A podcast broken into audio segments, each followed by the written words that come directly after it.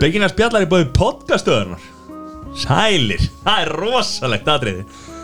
Herru, podcastöðun er að, er að færa út kvíarnar. Nú erum við að, hérna, stekka við okkur húsnæði. Og við erum búin að vera að fá því líka auðlinga með okkur í þetta verkefni. Og þessi þáttur er tilengjaður þeirra. Jón Bjarki, hann er pípari Einhvern fallegasti pípari landsins. Stelpur, hann er á lausu. Það er staðan. Eða staðfæst eða? Já, það er staðfest. Jón Bjarki 696 9675 Það er nummerið hann Ég endur tek 696 9675 Hot stuff á Tinder, eða ekki? Hann er, ég veit, ég veit ekki Það. Er ekki Jón Bjarki bara tindir Ég veit ekki alveg hvernig staðan á því er. Ég skal aðtöða að ég var búin að svæpa Rætt á Er rætt, er það? Já. Herru, hann er alveg þessu Hvort sem þið viljið fá pípara eða bara eitthvað date sko, Þá er hann alveg klár í það. Herru, svo er það hérna Bara vinur okkar Þeir eru náttúrulega geggjaðir. Við nefnum þá setna Og svo ábyrrandi Við ætla að láta merki eitthvað Gera eitthvað, græja eitthvað Tala við ábyrrandi Magnús að ábyrrandi.is Hann gefur eitthvað tilbúð í allra allir maður. Þú treyst því Treystum því Þar eru verkin kláruð á fagmannar þá Og ekkert vesen. Þannig að við bara þökkum podcastuðinni fyrir að styrkja þennan þáttið hjá okkur Ég Fá ekki Nei, ok, ja. fyrir ekki þáka Herru, gestur dagsins. Kongo, Já, hvaðan kemur það? hvaðan kemur það? Já, Á ég segja núna? Já Kári Kongo. Ég, bara, ég þekki þið bara sem Kári Kongo Ég veit ekki hvaðan þetta kemur sko. Nei, takk fyrir að bjóða mig lóksins þáttinn. Já, herru, Ég er búin að býða lengi eftir þessu. Herru, þú ert eini gestur Það er einn gestur sem er búin að vera sko, leng, á, á byðlistana lengur aldrei en þú. Já, beti, að þið eru sem svo marga að undan með röðinni þá Nei, No, no, no. Steinti Junior átti að vera fyrsti gestur. Já, Nú er þáttur 79 eða eitthvað. Já, Hann er ekki að það komin en Gæti verið alltaf að koma, 80. sko. Já. Hann gæti verið 80 En Það er búið að bjóða þér 14 sinnum í þáttin Þú er tvís að komið, eða ekki? til svo komið. Já, en ekki sem þú, heldur sem einhver al, al mesti bjóra áhuga maður landsins. Já. Ég held ég var að koma núna líka út af því sko. Þess vegna sagði ég já sko. Já, ok. Ég ætlaði bara að hitta Sæþór í bjór í kvöld sko. Já, En hann plataði mig hingað. Þetta er, þetta þetta er illa vegið að Já, já. Það hefur engin, þú veist, það er bara, þú veist Hún sá bara makka skefing, ekkert mál svo, mæti. Helga Braga, jæja, ekkert mál. Segðu mig hvernig ég á að mæta. Já. Kongo, herri, byrja því að ná í hann. Það er bara smá félagsvæli Fóru síðan, fóru síðan, ok, hann sagði félagsvelli þannig að hann er með núl félagsvelli. Keiran hérna á, á hérna nýjar höfustöðar sem hún nefndir á hann sem er, er hérna að vera kynnta síðar byrja því að hérna, því að hún heima stutt frá og við ætlum að fá okkur eitt kaldan þannig að ég ætla að keira bílinn heim. Við þetta eru sko fimm mínúta gangur. Þá er ég að skuttla honum í hö, nýju höfustöðar af því að hann gæti ekki lappað hann var með bjór í póka ég er aldrei síðan hann nema með bjór í póka sko. og, og skuttla honum. ég fór sér sjálfur með bíl heim og lappaði þetta eru alvöru. Það er enginn látið ganga svona á eftir Sér sér getur verið snúið sér að sögu algjörlega við En, en það sem ég- er alltaf alvöru, alvöru hetja sko. Já, ég veit það, að, að frábært hvernig hann leta hann að líti út fyrir sko. Ég var að koma í podcast átt sko. Sér var ég alltaf í plataður í eitthvað svona yðnaðar Sko ég ætla ekki að segja jobb en þess að ég var ekki að gera neitt sko, ég var bara að fylgjast með en það var alveg bara skýrta minn og skítug Já, já. buksuna minn og blettótaðar Já. og í þokkabúta ætlaði að segja þú að láta mig labba Jú, vissilega ekki lengra heldur en 5 mínútur en ég var bara í skýrt fjárhastegi hitt úti. Ég ætla ekki að vera veikur. Nei. Já, og plussa, hann er aldrei gett handtak í lífinu þannig að það ætla ekki að vera að byrja því núna sko. En að gott er þú segir félagsfælin af Því að þú ert að vinna í félagsmiðstöður Jú, passar. Vá, Vá. Já, ég, ég er búin að vera að reyna að vinna í, í félagsmiðstöðagerunum hvað, síðan 2007 Hvað, akkur byrjar það? Hvernig, hvernig, hvernig axlaðist það? Það var alltaf draumur sko að að vinna í smá tíma í félagsmyndu Ég var mikið í félagsmyndu sem múlingur og hann að bara minn svona gríða staði myndi ég segja sko, bara hjálpaði mér óbúslega mikið sko, þannig ég var alltaf að blunda alltaf í mér að, prófa að vera að vinna sem starfsmaður í félagsmyndu og það var alltaf hugmyndin bara, þú veist, að- að kíkja og taka kannski ár í, félagsmyndstöðinni og ég náttúrulega hafði þessu hugmynd sem félagsmyndstöða starfsmann eins og svona staðalímitina kannski. Einhver leiti samt en ég samt svolítið öðru að það var starfsmann í félagsmyndstöðinni sem hjálpaði mér þetta greiðlega mikið sko. Þannig ég sótt um og, og var reyndar hafnað. Að hafnað, já. Fekk ekki vinnu að því ég sótt um í félagsmyndstöð í Árbænum og, og var samt að vísað áfram í, í breiðholtið og var búið að vinna þar sem svona starfsmæður og træjal tímastarfsmæður á reynslu? Á reynslu. Og já. Það er einhvern veginn bara æxlaðist þannig að, að ég byrjaði þannig og 13 ára- duglegur að taka mér aukavinnu og, og séðan var alltinu árið setna búið, búið fullt starf þar.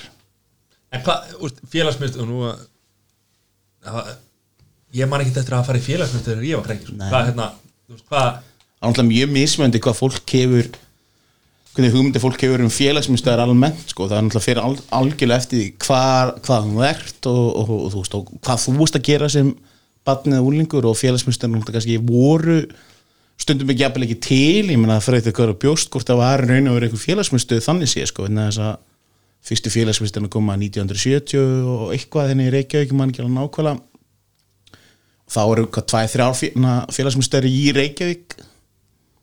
En þú veist, hvað er félagsmyndstöð í dag? Félagsmyndstöð í dag er, þú veist bara greiðast af rúlingana en hún er svo miklu meira, ég er náttúrulega að kenna í skólum, ég er að kenna kynfræslu og ég er með hópastar og við erum með við erum að sjá um börn og úlinga sem þurfa að halda bara einstaklingsáallinir með, með úlingar með greiningar eða með sem þurfa að halda að þeir eru sinna, sinna, hvað sína svona andfélagslega hegðun.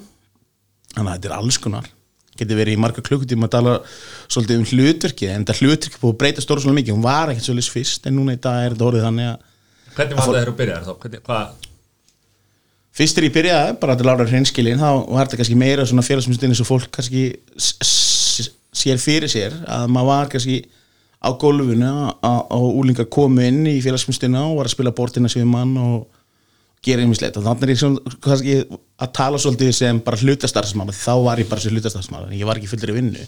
Mikið af starfsfólkinu sem er að vinna í félagsmyndstinni minni í dag er svo sem kannski í, svolítið mikið í því hlutverki. Eðlilega þess að þau mæti bara í vinnuna og fara úr henni.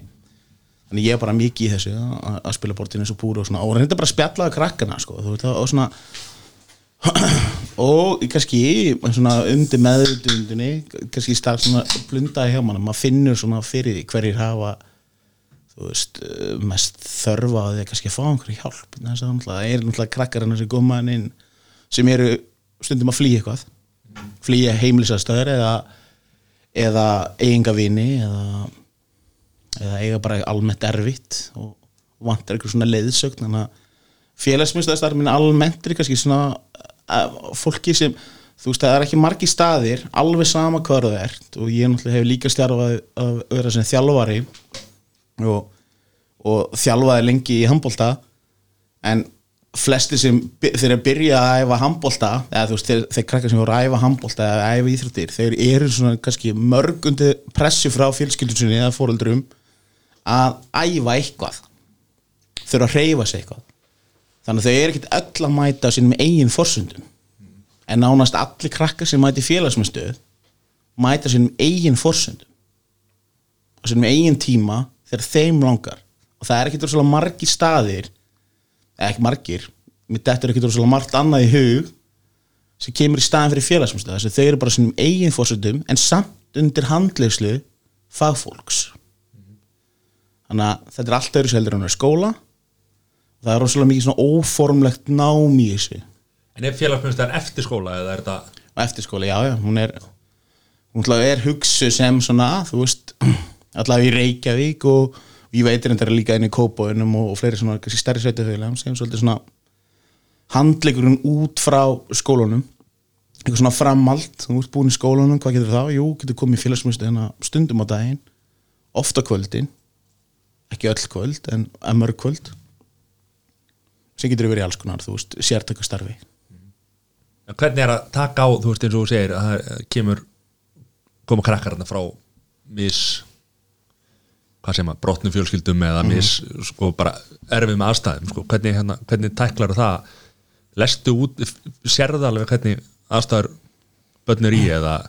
Nei, þú, það er náttúrulega bara ótrúlega mismundi held ég líka bara eftir manneskjum þú veist, hvern, hvern þú ert að hvernig manneskja þú ert hvernig reynslu þú ert með. Ég er náttúrulega hana, veist, það er stórkurslega munur á því að reyna að finna þú veist að út sko við erum ekki meðferðastofnun við erum ekki við erum ekki sértækt úrræða þýldinu til að ef, ef fólk, ef einhver úlingar ef einhver andlega veikindastríða þá vísum við þeim bara áfram skiljiði þau koma oftan inn og bara í þessu ófærimlega spjalli byrja þau kannski að gefa okkur, gefa okkur svona vísbendingur um það að það sé ekki allt í lagi. Bara, bara þú veist stundu segja það bara hreint út treysta manni fyrir einhverju. Og eða þá kannski ef maður sér það að það eru kannski börn eða úrlingar sem eru fyrir utan félagsmyndstöðuna vita og notnar klokkan halv 8 kvöldin eru samt þar klokkan 6 Já, bara tilbúin til að koma inn og Ætt, og þú veist að hún opnar ekki fyrir halv átta? Já, ég ætla bara að býða ætla að býða einn hálf tíma af hverju að býða einn hálf tíma úti? Það er kannski vondu Skilu, þannig að þú getur lesið alls konar aðstöður síðan ætla bara kannski persónu reynsla. Þú veist, ég, þú veist, ég með ákveðna reynsla bara ákveðin bakgrunn út frá fortíðinu minni sem hjálpa mér með ákveðna einstaklinga. Síðan kannski aðri starfsmenn sem eru með öðru sér bakgrunn og maður getur alltaf tengt eitthvað en þú veist, það, alltaf kannski, þú veist, það hjálpar eitthvað síðan alltaf bara hjálpar það bara, þú veist, þetta, eins og þetta, allt þetta ófrámlega spjall, bara spila tölvuleiki með einhverjum krökkur sem það þekkir ekki sem er ekkit endilega tilbúin að spjalla við þig bara face to face eins og við erum að gera hérna í bótkastöðinni en eru tilbúin að spjalla að því þau kannski er að spila tölvuleik. Þetta er bara alveg svo, þú veist, að því núna hitti ég ykkur stundum og við erum að horfa á fótbolta við erum ekkit endilega að horfa á fótboltan sko. það er bara einhver svona sjaldnast. Sjálfnast sérstaklega hjá einhverju júnataklubnum í vetur sko, þá voru ekkert alltaf eitthvað sko, að pissa í einhverju spenningi að fara að horfa á United. En þegar fóruðu hittust. Af hverju, jú, veit þess að út af því kom eitthvað óformalt spjall og þá, þú veist, ó, ó, kannski ómeðvita kemur eitthvað svona upp jú, þú veist, stundum eitthvað létt en stundum kannski eitthvað þingara þannig að út frá einhverju svona, þú veist, bara píla, bortinnis, playstation hlusta á tónlist eða hvað sem það er þá, þá kemur eitthvað. Og þá eru þið bara starfsfólki þjálfu við það að leipina fólki áfram eða börnum og, Já, já. og hérna. Algjörlega. En þú vorst að nefna hana þína fortíði Mm. að því að hérna, nú er hlustendur ég er að setja mig bara í spór hlustenda. Já. þú, veist, þú vildir hérna, eitthvað sem þú vilt opnaði með þar eða? já, Nei, að þetta var alls ekki þannig umræð við ætlum ekki að taka þennan þátt sko en við fórum bara hérna að því að að tala um að þinn bakgrunnur hjálpar er í þínu starfi sko? Já, ég, ég meina ég get alveg sagt það þú veist að ég anna ólst uppi ekki erfiðar fjölskyldu aðstæður. Þá leið mér þá mér, mér leið þá eins og ég væri svo eini sem væri byggi við svoleiðis aðstæða sem að, að þeim að rætti ekki við neitt annan skiljur ég ólst uppi aðstæða sem ég kannski var svolítið mikið sjálfvala á tímabili. og hann að ólst uppi þú veist, það sem svona ákvörðuna svona heimilisbrenglun bæði bara veist, bæði heimilisofbildi og, og, og ofnæslega áfengi. Og, hann, að- og, og þú veist og það veginn svona en ég var hins vegar sko klúður í, eða þú veist, kerfi það sem ég náttúrulega þekki til um- með kerfi er það að ástæðan fyrir ég var aldrei gripin að kerfinu var að því mér gekk svo vel í skóla Já, þannig ef, ef þeir hefði gengið illa þú hefur verið vandra, Mögulega. vandra geml, gemlingur þá hefði einhver kíkt inn á Já, mögulega, og raun og ári sko, þú veist svona kannski vísirinn að náttúrulega blanda mörg öðru, ég náttúrulega bara þú tala um því, þú ekki að tala um alla fjölskyldum því ég á frábæra bræður sem, sem algjörlega gripið mér sko. Og hann að fara eitthvað meir út í það kannski núna.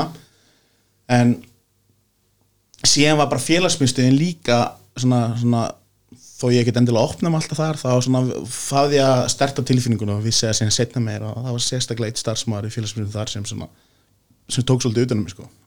Safe zone, eitthvað öðrugt umhverfi og, og hérna. Já, já, breytti mig bara út frá því. Og því ég var alltaf bara, þú veist, bann sem var hvað að segja svolítið andfélagslegt sko, bann bara reitt bann, sko, en gekk vel í skóla. Það er ótrúlega, þú veist, og það er raun og veru því miður þannig enn þannig daginn í dag að, að og ég er ekki að segja þessi endilega kerfinu að kenna en þú veist, það fullt af krökkum sem eru bara eins og ég var, bara svona frontur sko.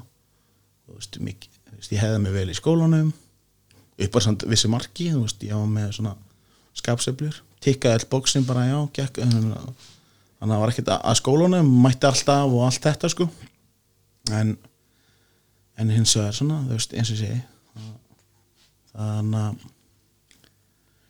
að kerfi kerfi hefur svona ga- galla og, og ég er svo sem kannski svolítið, hvað að segja aflegging þess. Og ég er ekkert í dag ekkert eitthvað betru í því þetta er náttúrulega bara svona hluti af mér og þess vegna er ég að vinna við þetta í dag. Og ég væri ekkert að vinna og væri ekkert að vinna í, í þessum geira í dag ef ekki fyrir fortíðinu minna og ég er ekki sárið það, ég er frekar svona þakkláttur sko.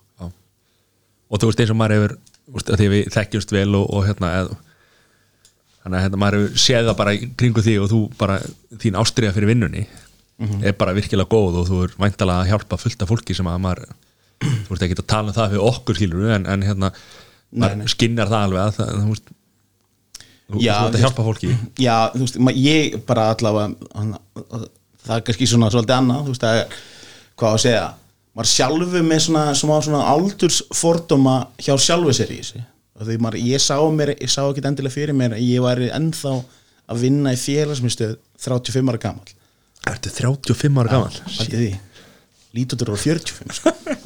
en, hana, en þú veist, ég er ennþá í dag veitna þess að mér finnst ég hafa einhver tilgang skilur og mér finnst ég ennþá hafa ítök hjá börnum úlingum og ég vinn allt öðru seldi en ég vann fyrir 5 ára síðan eða 10 ára síðan en, og leið að ég finna að ég hef ekki annað, þú veist, að, þú veist annað, ef, ef, sjálfseg ef ég hef ekki lengur ástriðinu þá hætti ég um leið.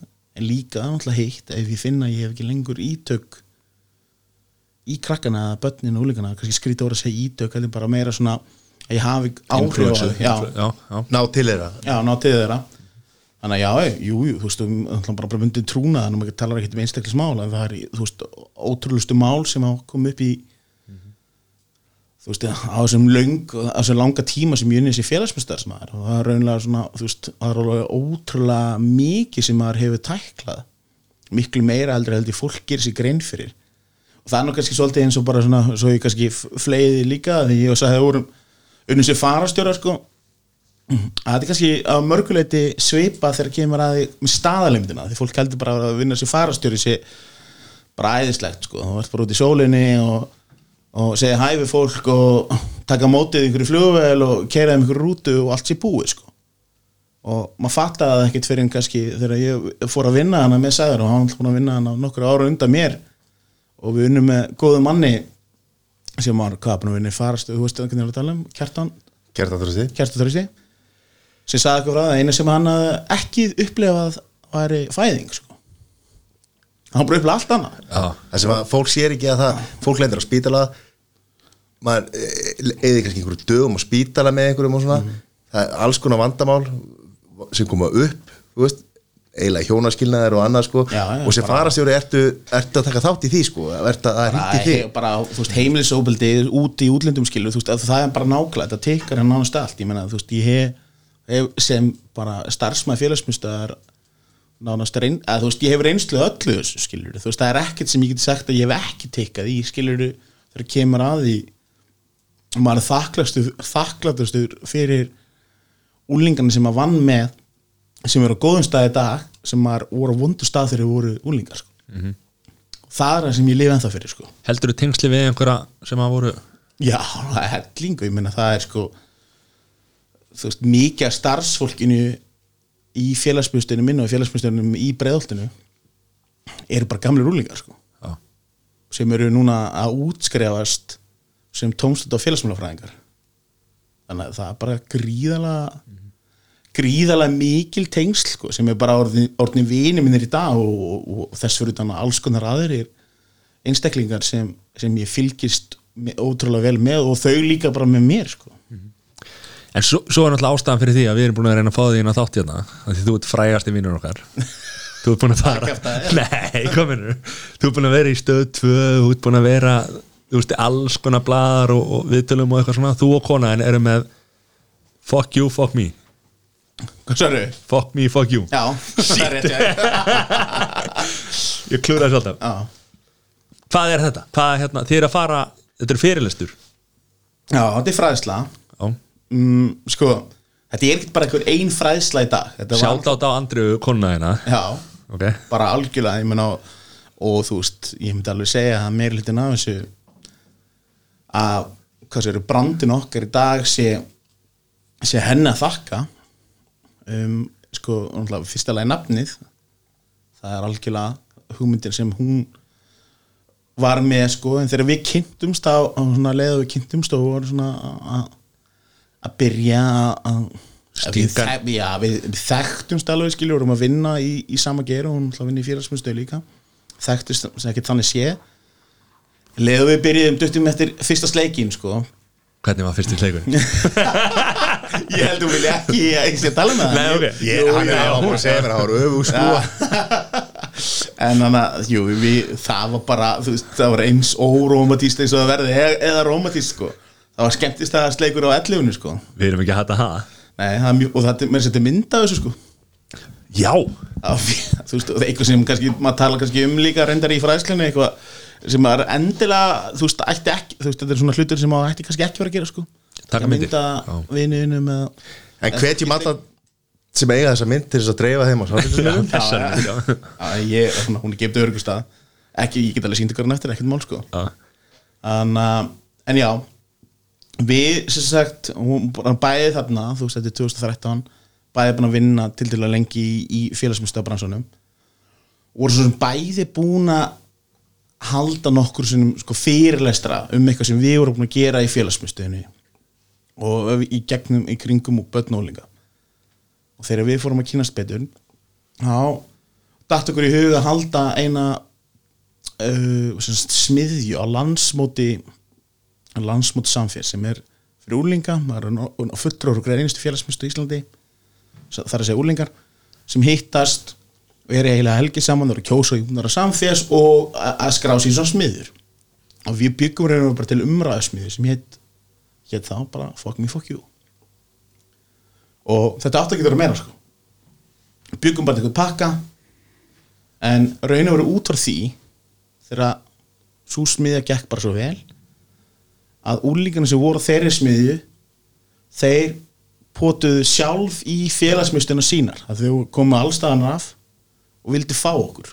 Við vorum ekkert búin að ákveða það. Það er, þú veist, á, aftur eitthvað svona geggjað sko moment sem kemur að því að vinna með úlingum að þau reynir að drifa okkur áfram í eitthvað. Þannig að við fórum í nokkra fræðslur hana vorum alltaf, já, kíkjum hérna, kíkjum hérna ætlum ekki að gera meira úr þessu. Og þá vorum við mest að fjalla um sem sagt uh, sko, hvað að segja? Fjalla mest um bara uh, munun á kynjunum. Þetta var svolítið svona, þú veist við myndum ekkit margt þarna sem við sögum þarna sem kannski, maður þurfti til þessu frá í dag, margt búið að gera svo sjö árum en en það var svolítið svona staðalímyndir kvenna og, og kalla og vorum mikið að ræða bara um svona staðalímyndir í auðlýsingum og sjónvarpi og byggundum bara svona ákveðin fræsleipaka í kringu það og sem bara þróast það í, raun og veru. Voruð þið að vera nokkra fræðslur 2013, 2014 yfir að að við vorum allir búin að hvað, ég veit ekki hvað við hefum margar útgáfur af alls konar fræðslum, allir við hefum ekki hátt í 20 útgáfur af alls konar fræðslum sko, en mestmegnis í dag erum við að fræða úlinga, fóreldra og starfsfólk og reynið og líka á framhaldsskóla um samskipti á samfélagsmiðlum Já. og bara samskipti almennt sko. Samskipti kynjana eða samskipti bara inn á Já, samskipti kynjana, já, já, bara samskipti á samfélagsmiðlunum og þetta er náttúrulega kannski fyrir svolítið mikið í emitt, jú, þú veist, bæði bara svona kýfærslega áreitni og, og áreiti og þú veist, og bara svona, já, bara samtöl þá inn á já, þetta er allt bara forritum og- byggt, sko, við byrjum, þú veist, við byrjum að fá send skjáskot frá úlingum 2014 sem vildi að við við myndum ræða við aðra úlingum hvað þau lent í. Þannig? Þannig að við, sem sagt, við við fórum, sem sagt, fengum bara efni frá úlingunum, sagt, að þau komum til okkar og segja bara, herri, ég er búin að lenda í þessu. Og til dæmis er bara einhverja uh, bara dæmi um að einhver stelpa lendi bara að einhverju, einhver strákur var áraðina kifyrirslega og hún sagði hvað get ég gert í þessu? Og við, svona, við komum á hvernig leiðir þú veist, hvað hann get ég unnu við. Og síðan allt í hennu sendu hann okkur skjáskot á, á, á hvernig samskipti sem voru gangi. Út úr því að byrjaði að hrúast inn þannig á Facebook alveg svolítið, veist, það var ennþá heitt í ólingum, sko, hann algjörlega dögt í dag. Facebook? Já, Ok. Og, og við fengum gegnum likesið, við stopnum á likesið sem heitir bara Anna fuck me fuck you bara fræslu síða og gegnum hana fengum við alls konar skjásótt frá alls konar rúlingum sem þau vildi að við ræðum að myndi ræða og ég sína einhver svona ákveðin vandamál sem, sem þau voru gangi gegnum eða hvernig, hvernig var þetta að tækla þau Já. það var kannski svona, þú veist ég veit ekki, þetta hljómar nei, nei, en þú veist, ég held að þetta hafi verið svona vísirinn að því hvað gerist til dæmis eins og segja með fá þetta sem er Instagram. Sem er í dag bara stæsta Instagram síða á Íslandi sem hún hana Solborg, nei, Solborg nei, Solveig Nei. Solbjörg nei, Solborg Solborg, hún er? Solborg, hvað er að mér? Ég hef freysi smá stund. Hún hlusta ekki á þetta, já, þetta Já. er ekki líka búin að koma til ykkar eða? Solborg Nei. Að fá þetta Nei Nei, nú verið, sko ég var að tjekka það sem ég er að tala Tjekka en það. allavega Ég er eiginlega, eiginlega vissi að það sé Solborg Hvað hérna en hún sem Nei, ég er já, viss um það. hún hana hún var, þú veist, já, þetta var bara vísirinn umræða sem gerist þar síðan setna mér, ég veit ekki, það byrjaði í henni held ég svona 2017, 2018 axleis. út af þessu hefur við bara byggt þetta upp og við hefum alltaf sagt bara leið og sko við hefum aldrei við auglýsum okkur eiginlega ekki neitt Mhm. Þi- þú sérð okkur aldrei einhverju sponsort auglýsingum eða eða, já, um Solborg passar, það var rétt fyrir við staði bara, ég varst um sjálf mér smá stund en hann að, já, auðvitað neitt þetta er bara meira bara orðsporið þannig að við erum, að, við erum ó- óbúslega mikið, þetta er búið kannski búið að þróast í síðustu tveimur, þreim árum við fyrir ó- rosalega mikið inn í skóla inn í ákveðna bekki einu sinni vorum við á ætliðin bara að vera fyrir 8. til 10. bekk sem allt einu erum við búin að fara fræðslu niður í 5. bekk og alveg upp í að vera með fræðslu fyrir framhaldsskóla og reyndar og síðan hefur verið með fræðslur eða fyrirlestra í, ákveðnum áfengum í háskólanum. Þannig að við einhvern veginn svona við höfum alltaf bara búin að þetta er ekki eitthvað sem við ætlum að þú veist eins og þú veist bara því mér finnst það eru mikið frábærum fyrirlesurum og, og hana, sem eru lifa á þessu. Bara eins og Palmar og, og Solborg og, fleiri og Sigardök og fleiri góða manneskjur. Þetta er meira, þetta er meira auka hjá okkur við erum, erum bara erum í fullri vinnu. Og reyndar eh, held ég að Palmar sér ríka í fullri vinnu sem þjálfari en að, ekki, ekki það er skipt Al, algjör dögatri þannig að við einhvern veginn bara leðum finnum að þörfin okkur er farin. Eða þú veist áhugin minkar eða fyrir djúnati þá bara þá deyrir út en þetta er bara Hvernig kemst maður á svona fyrirlistur? Nú hef ég aldrei farið á þér En þú veist hvað, hérna, er, er þetta í bóði fyrir almenninga?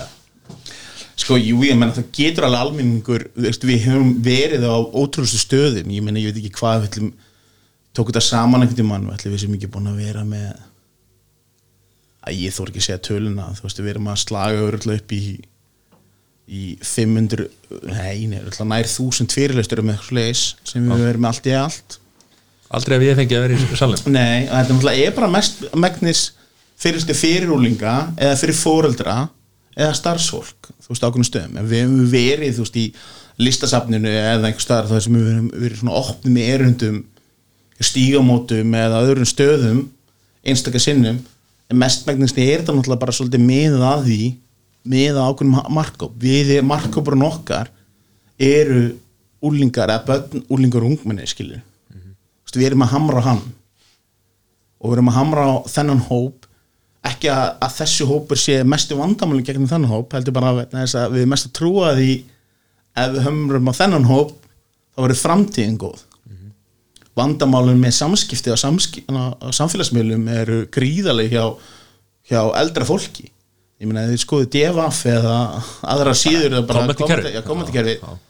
veist við bara við, við viljum ekki stíga þær inn sko. Það er bara fórar pittur sko. Er það ekki bara eitthvað Já, þetta kommentakjara ruggli er náttúrulega alveg gali sko.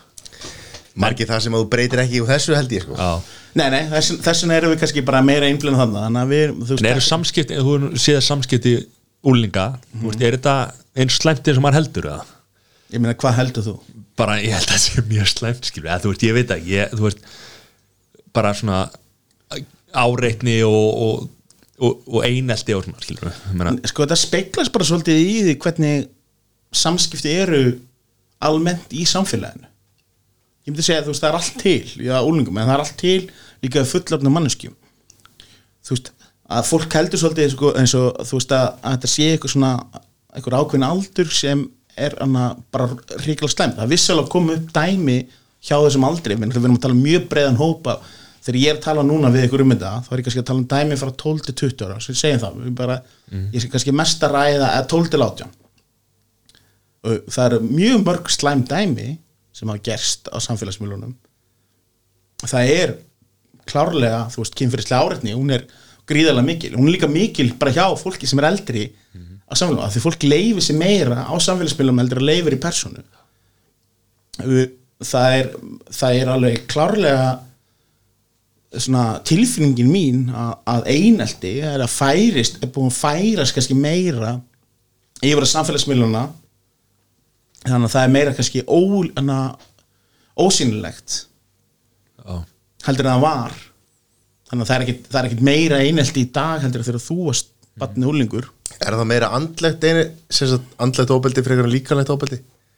já, þú veist ég, ég, ég veist ótrúlega erfitt að segja eitthvað svona, þú veist, að því þú veist, maður er að segja þetta frá einhverju tilfinningu sko. ég er náttúrulega, núna er ég bara að hugsa því við erum náttúrulega jafnaldra, ég og Sæður sko. Þá er maður að upplefa einhvern svona, maður að hugsa eitthvað tilbaka, einhverja minningar sem er búin að brenglast frá því hvernig maður sjálfur hugsaði eitthvað. Já, já. þú veist, En ég meina, eins, og, eins og núna eru, eru krakkar að slást? Já, ég meina, krakkar þú veist, það kom alveg upp, komum bara dæmi minna, því sáu það bara í samfélag þú veist, og í fréttunum. Já. þú veist, það er, það er alveg slagsmála vídeo sem koma, en þetta er þetta er, þetta er, þetta er brota brota af úlingunum, ég myndi segja þú veist, ef þið myndi spyrja mig þú veist, að það er miklu öðuldra um einhvern veginn að setja svona einhvern fingur að ég myndi segja, tilfinningi mín er að úlingar í dag séu betur upplýst heldur en úlingar fyrir tíra síðan. Um hvað er gott og hvað er slæmt eða? já, bara almennt, skilur þeir eru bara, þeir eru meira upplýst, þeir eru meira fróðlíshús, þú veist, ég veit það bara vegna þess að ég er að reyka félagsmyndstöður líka alveg eins og að vera með fræðslur. Að einu sinni í félagsmyndstöð þurfti maður að plata úlinga einu fræðslur og sagði frí pizza í kvöld. Svo komu pizza, já það er fyrst fræðsla. En nú geta félagsmyndstöður í alvörinu auglýst það er fræðslu kvöld og það fyllist bara húsið hjá vissum félagsmyndstöðum þeim langar að fá að vita meira. Þau eru þau eru að ganga eftir því að fá meiri kynfræsli í skóla, þau vilja fá meiri svona, meir, þú veist, það er bara þannig að þessi hópur er miklu meðvitað heldur en það var. Já, og líka því að nefndu áðan við erum að sjá atvik í fréttum, kvöldfréttum þar sem að það er myndbans upptaka af einhverjum, að, einhverjum hóp að ganga í skrokka á, á, einhverjum einstakling. Þetta, þetta hefur alltaf verið sagt, ég, er, ég er að segja þannig að, að þetta er ekki verra í dag. Við fáum meiri fréttir af því Já, já, þetta var, þetta var er, er búið að vera að gerast á, á, á hérna, allan okkar tíð. Þannig að hérna, það kannski virðist vera í dag að mér finnst að, að það sé kannski svona að úlingar og ungmenni séu verri en þau voru. Það er bara þegar maður fær meiri fréttir að því. Já, ég get alltaf að en þau eru hugsalega vantarlega betri en, en við vorum og, og, og fóruður okkar og bara, þú veist, mælikvarðin er allt öðru sér eldur en það var, skilur þú veist, hvað er kvarðin ég meina, við krakka að drekka miklu minna heldur en við gerum þegar við erum úlingar þú veist, áfengisneisla fíknefnineisla, aðala áfengisneisla og, og tóbaksneisla er miklu minni dag heldur en var þegar við vorum úlingar fólk tala sem þetta svolítið, svolítið, svolítið frjálslega í dag um áfengisneislu af því þetta er kynslaðun okkar að tala um það þegar við byrjum að drekka byrjum að drekka ung og fólkið sem er að tala frjálslega um hann í dag er fólkið sem lendi ekki vandraði með áfengisneistluna sína. En í, og þannig að þeir sjá þeir skilja ekki alveg þú veist, þú veist hvað gerðist í millitíðinni. Í millitíðinni náttúrulega var það bara að þegar við vorum úlingar það var prósentin af, af krökkum sem voru búin að drekka þegar voru veist, meira oftar en einu sinni mánu ég man það ekki, þetta var 60% eitthvað, þú veist, ég ekki hengja maður á þetta, þetta var alltaf gríðilega mikið. Þetta er allt annað í dag. Miklu minna? Miklu minna. Það er miklu minni bara áfengis og, og tóbaksneisla, jú þau eru að veipa þú veist það er eitthvað, það kemur eitthvað í staðinn en það er samt miklu minni hluti skilur. Takk í vöruna og eitthvað já já, en það er samt miklu minni hluti heldur en var þegar að ef við erum að tala um þessa neyslu en síðan náttúrulega kannski, þú veist, þegar við vorum úlingar, það, þú veist, bara klám hvað var klám þá? Klám var bara, þú veist þú veist, DFD og, og vídeospólur, sko. TFD Þið er náttúrulega miklu yngri en ég. Þú veist, ég er að um DFD, það var þetta þau kannski konum í fyrsta bekki mento og svona. Það var eitthvað ljónhart blað sko. Og þú veist og einhver svona lélegar þú veist ekki því að lélegar þú veist bara svona þú veist bara þeir sem voru flinkastir á tölvur eða þeir áttu tölvur á annar borð gáttu farið á netið og fundið ykkur klámsýr það er aðgengi að klámi til dæmis þannig að það er kannski það eru öðru sér vandamál og þú veist að þú líka þú veist bara hvernig, hvernig, hvernig þú varst að við, hvernig varst þú að bera þið saman við þegar þú varst úrlingur árið 1995 eða 2000 þú hafði x marga í dag hefur þú sko Allan heiminn og allan heiminn og, það er bara þú veist, hana, þú veist, það er svo auðvelt að láta samfélagsmiðla hafa ómeðvita alveg ótrúlega mikil áhrif á sig. Já, og það sem að kemur með stafrætni tækni það er til dæmis hemdaklám hemdaklám var kannski eitthvað sem var ekki auðvelt áður fyrr veist, jú, kannski sent ljósmynd eða, eða vídeospólu eða eitthvað slít sko. Nú er, er allir með síma, allir með myndbans upptöku tæki í símanu sínu dreifilegðarnar eru auðveldar sendi bara reitt takki að senda, senda þetta. Þannig að sko úlingar í dag, ungmenni er að er að kljást við svona veruleika sem að við þurftum ekki að, kljást við. Já, og með þess að sko, þú veist að þú segir hemdaklam sko, þetta er kannski eitthvað svona orð sem við forðustum að nota með eitthvað meira, anna, þú veist sem við notuðum mikið fyrir svona kannski, hvað ég segja 8-9 ára síðan og það, það var svona eini purposein, skiljið, þú veist, hemdaklám það er náttúrulega vor, þú veist, það var gríðan og er auðvitað ennþá. Þú veist, þegar við erum að tala um svona þú veist, bara specific dæmi við erum að tala um dæmi um það sem myndum að þér sem þú kannski, jafnvel tókst sjálf eða sjálfur á þér og sendir eitthvað svona treystir voru notaðar gegn þér til þess að kúa þig eða til þess að hefna sína þér sko. þetta er ekki alltaf til að hefna sín. Stundir líka bara til að kúa þig. Kúa þig til þess að, að gera eitthvað meira heldur en langa til þess að gera. Þetta er náttúrulega til í dag en þú veist, svona tilfinningi mín er að þetta sé búið að minka út á umræðin þess að þeir sem einu sinni sem lendu í þessu ég sé lendu, en þess að þetta er ekki þeim að kenna þóttu að þetta ekki myndir á sig sjálf. Það er algjörning, að þú veist það var miskilningu sem að þurfti til dæmis í fræslan þegar við byrjuðum með sín tíma voru mikið að hamra á. Þú veist við kvöttum við, við náttúrulega hvetjum aldrei úlinga til að taka af nekta mynda sér og senda þau bara hvað þú ert barn þú veist þetta er samgam, getum skilgrind það sem barna klámskiljuru en ef þú gerir það, treystir mannskinu sem þú ert að senda. Og hún notar þessa mynd sem gegn þér þá er hún sögudólkurinn þá er hún gerandinn, ekki þú. En hins vegar var og umræðan og þú veist, hún er búin að breytast óbúslega mikið spáði því. Þið heyrður alltaf sögur af því fyrir tíu ára síðan, ég man alveg eftir að koma í frétt honum, bara hún stelpa sem var útskóðu einhverju samfélagi hérna út á landi, sko. Að því það voru allir komið með klámyndin af henni. Og ég get alveg sagt að því þú sagði það kannski munum miklu lengra. Þú sagðir, við, við um alveg dæmi svona þegar við vorum 17 átta og það gekk svona myndir af stelpu sem gengur bara gegnum gemil skilur eða hotmil sem var bara senda áfram mynd í óþökk örglega hennar áfram að aðra, sjáu þetta, sjáu þetta.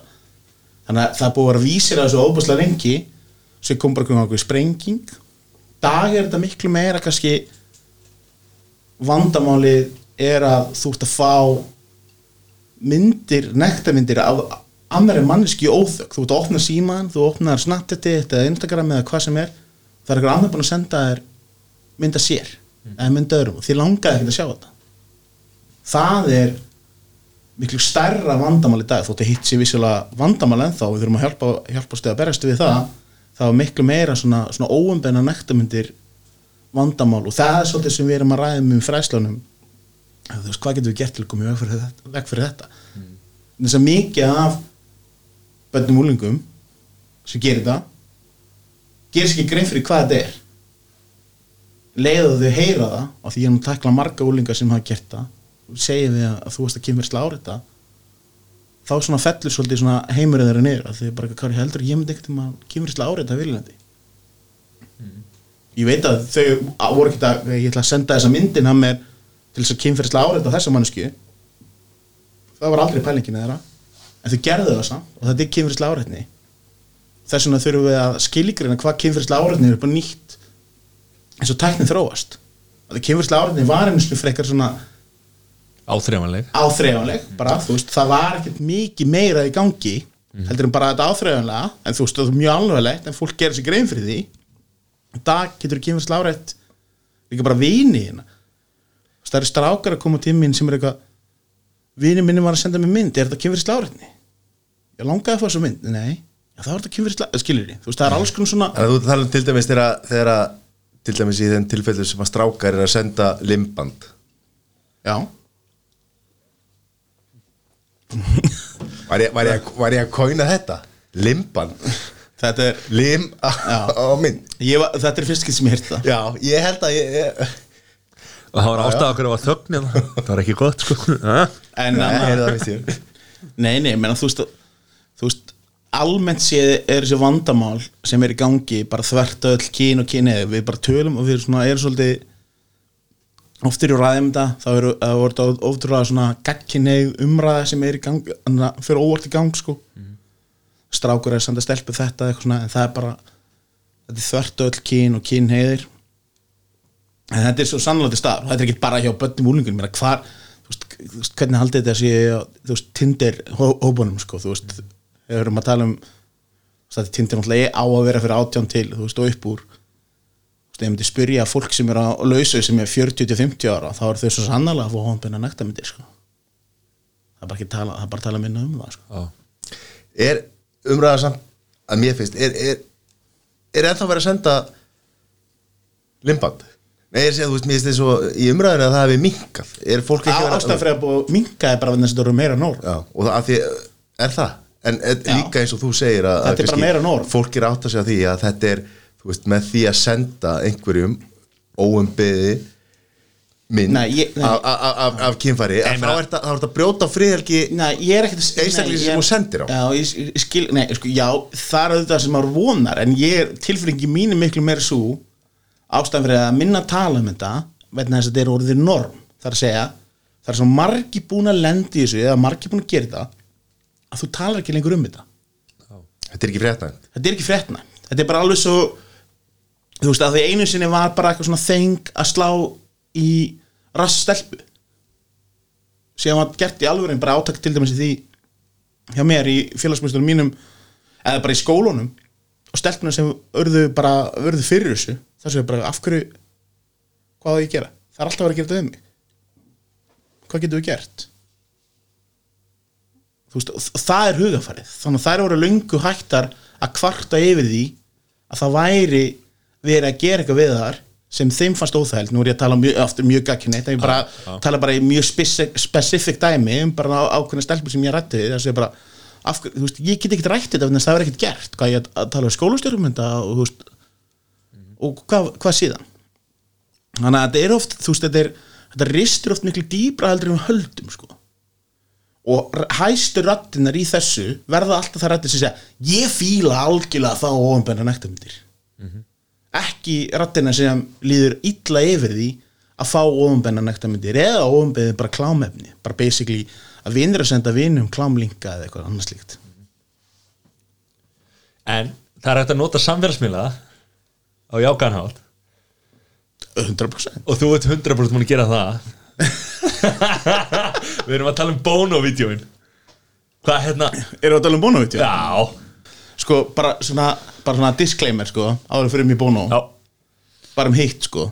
Þú veist að, að því að þetta verður aldrei sko þegar maður ræðir svona óformlega við einhvern eins og ég hef náttúrulega aldrei gert og svona í podcast þetta Já, sko og by the way, þú vissir ekki að við værum að fara að Nei, nei. tala um þetta. Við ætlum ekki að gera það. Nei, nei, við ætlum ekki að gera það. Þannig að þú veist, ekki ekki hengja með allt sem ég segi sko, þú veist, ég, það er eitt sem ég segi alltaf í öllum fræðslum og fyrirlestum sko. Bara eitthvað, þú veist, bara gaggarinn hugsun og, og, og stundum er mjög öll að slíta orðið eða, eða eitthvað sem að segir úr samingi sko. Mhm. en ef fólk á eitthvað vansagt eftir þetta en þátt þá bara getur það sendt mér línu sko. Hvernig hérna Þið eru með Facebook síðu? Já, við erum með Facebook-like síðu Já, eigum við aðtöga hvort að, að Mattias muni hvort var undan Fuck Me fuck you. Sjálfsög, ég með þetta. En fyndi það Já. á like síðan okkar þú, þú finnur ykkur að skrifa sko, en það heitir náttúrulega sko fuck me með F-O-K-K segja me, bara eins og me á ennsku og sama raun og verið fuck aftur F-O-K-K segja you, bara ennsku fólk er að við ætlum ekki að skrifa þetta svona? Bara Facebook leifði okkur ekki að skrifa þetta hins egin þess vegna gerðu þau svona. En ef þú myndir þú veist, skrifa að þér getur gert bara eins og þú veist, ef þú ætlar að leita þér á Facebook og gæti ég núna bara að fara eitthvað webbrowser og bara skrifa facebook.com og sem skástrík og nafni þitt og myndir finna þig Já. ef þú ætlar að skrifa um okkar þá myndir þú skrifa eins og þú sagði vittlust á Já. við klúðurinn og var ekki hægt að breyta þig. Þess vegna gerði ég þetta sko þannig það er fuck you, fuck me á like-síðunni Já. við höfum oft hugsað með að vera með Instagram síðu sem bara, nei, þú veist, að því- maður vitt það þá maður að sinninu sko, Já. Annars er það bara að Láttu okkur þekkja Facebook Nei, þetta podcastuðin sko Sælir Við en Bono, uh, Já, Bono? er, já, förum þáka Hvað hérna En, já Farið inn á þessa like síðu Og senda bara skilabóð eða vilja fá fræðslu eða, eða, og allar upplýsingar um það Já. Bónosa, hvernig Bono? Þú ert náttúrulega samfélagsmiðla stjarnar sko. Nei, ég, ég er það ekki sko. Jú. En ég er gaman að því ég, Það kemur svolítið svona púk í mig sko. Nú, Svona samfélagsmiðla púki Ég náttúrulega er, þú veist Þannig að er aðteglisjúkur sko. er það? Og þannig að það kemur svona að poppar Þú veist, eins og núna Þú veist, á tímum sem Á þessum fordæmalausu tímum Ég ætla ekki að segja fordómalausum að Þeir sem er segja fordóma og orð sko. Já. Þannig að Tökum það á eftir, það sem þú ert að gera núna já. Byrjum á Bóno, af því að það er svona Það er eldra Það er eldra Það er eldra Sko, ég byrjaði náttúrulega bara ég, að því ég elska hatur ákveðins hóps á Íslandi fyrir YouTube sko Já. það, það er töff að hata YouTube hjá sumum sko Já, það er hópur sem svona, hvað að segja, gamla exið 97 hópurinn sem bara hatar YouTube sko. Hvað, eru þeir ekki báðið bara að hættir að, veist, það eru bara tveir, eða ekki? hvað sér við? Það eru ekki bara tveir sem að hata YouTube?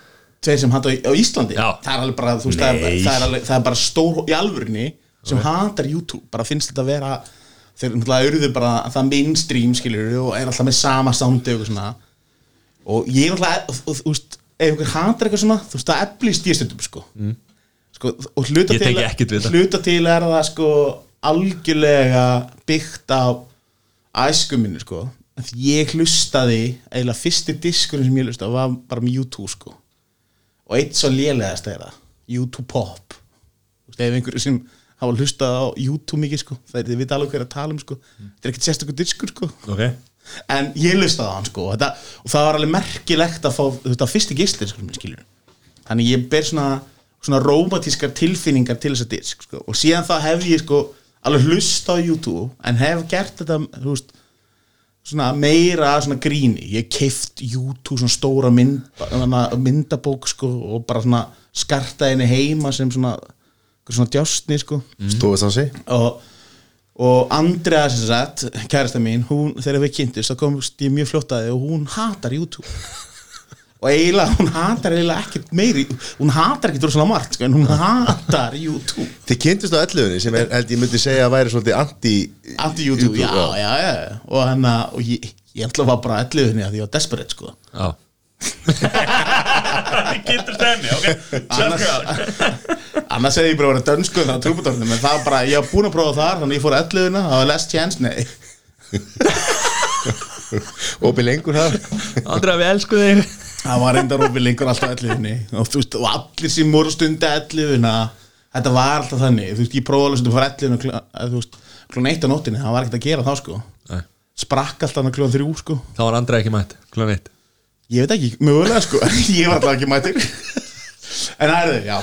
Ég reyna að bjarga hann henni að- Ok. Já, nei, nei, það er líka búið hvað sigla með þetta sko.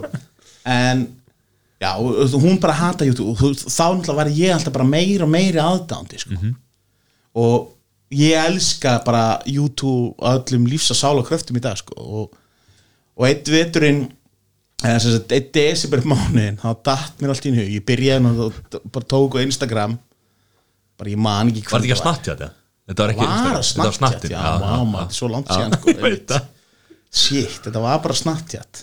Þá Þetta var tók geðveikt. ég upp bara ákveðin að Við erum alltaf fórsaðanir líka Kári að við eittum ófáum kvöldunum að horfa á YouTube á, á að live at Slain Slain Castle. Ég, ég hef alveg sagt andur þetta. Ég meina, við vorum að hlusta á Robbie Williams í YouTube sko. Það það var Robby að að- var í Knebworth held ég. Já, Stór- já Og YouTube að- og að- að Castle Og þetta er náttúrulega bara aftur DFD diskar, þú veist, það sem við sátum Ég og sæði þau eru 18 ára gamlir að Þú veist, að- að Hamri í ykkur. Hamri okkur og andri félag okkur líka. Gráta. Sátum bara og þú veist það bara Ef við voru á YouTube live Castle Eða Robbie Williams live at Nepworth Þú veist það var í alveg Þetta tvent sem var í bóði sko. 2000 Það var ekki til Netflix. Átján, þetta var alltaf, já, ok, segjum átján, að við höfum átjónar Það var ekki til Netflix, nei, nei. En allavega Þannig að eitt desember mánu En vaknaði með þá hugmyndi hausnum Að gera jóla dagatal YouTube fyrir andru mm -hmm.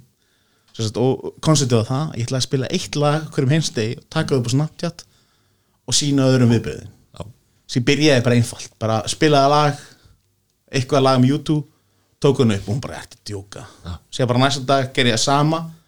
Síðan byrjaði ég svona að fara að hugsa aðeins út í boxi, ég ætla ekki að gera alltaf saman dag. Þannig að st- stundu þegar hún var alveg að sopna þá neldi ég bara tónlistinu upp. Og hún var svona rökkvið tók henni upp að Snapchat og byrjaði að syngja með og svona, þetta var alveg Fórst í vinnuna til hennar? Já, fór í vinnun til hennar hringdi, gerði símat og leta aðra í vinnunni vinna með þessu. Og þetta var bara, Varst að vekja hana með YouTube?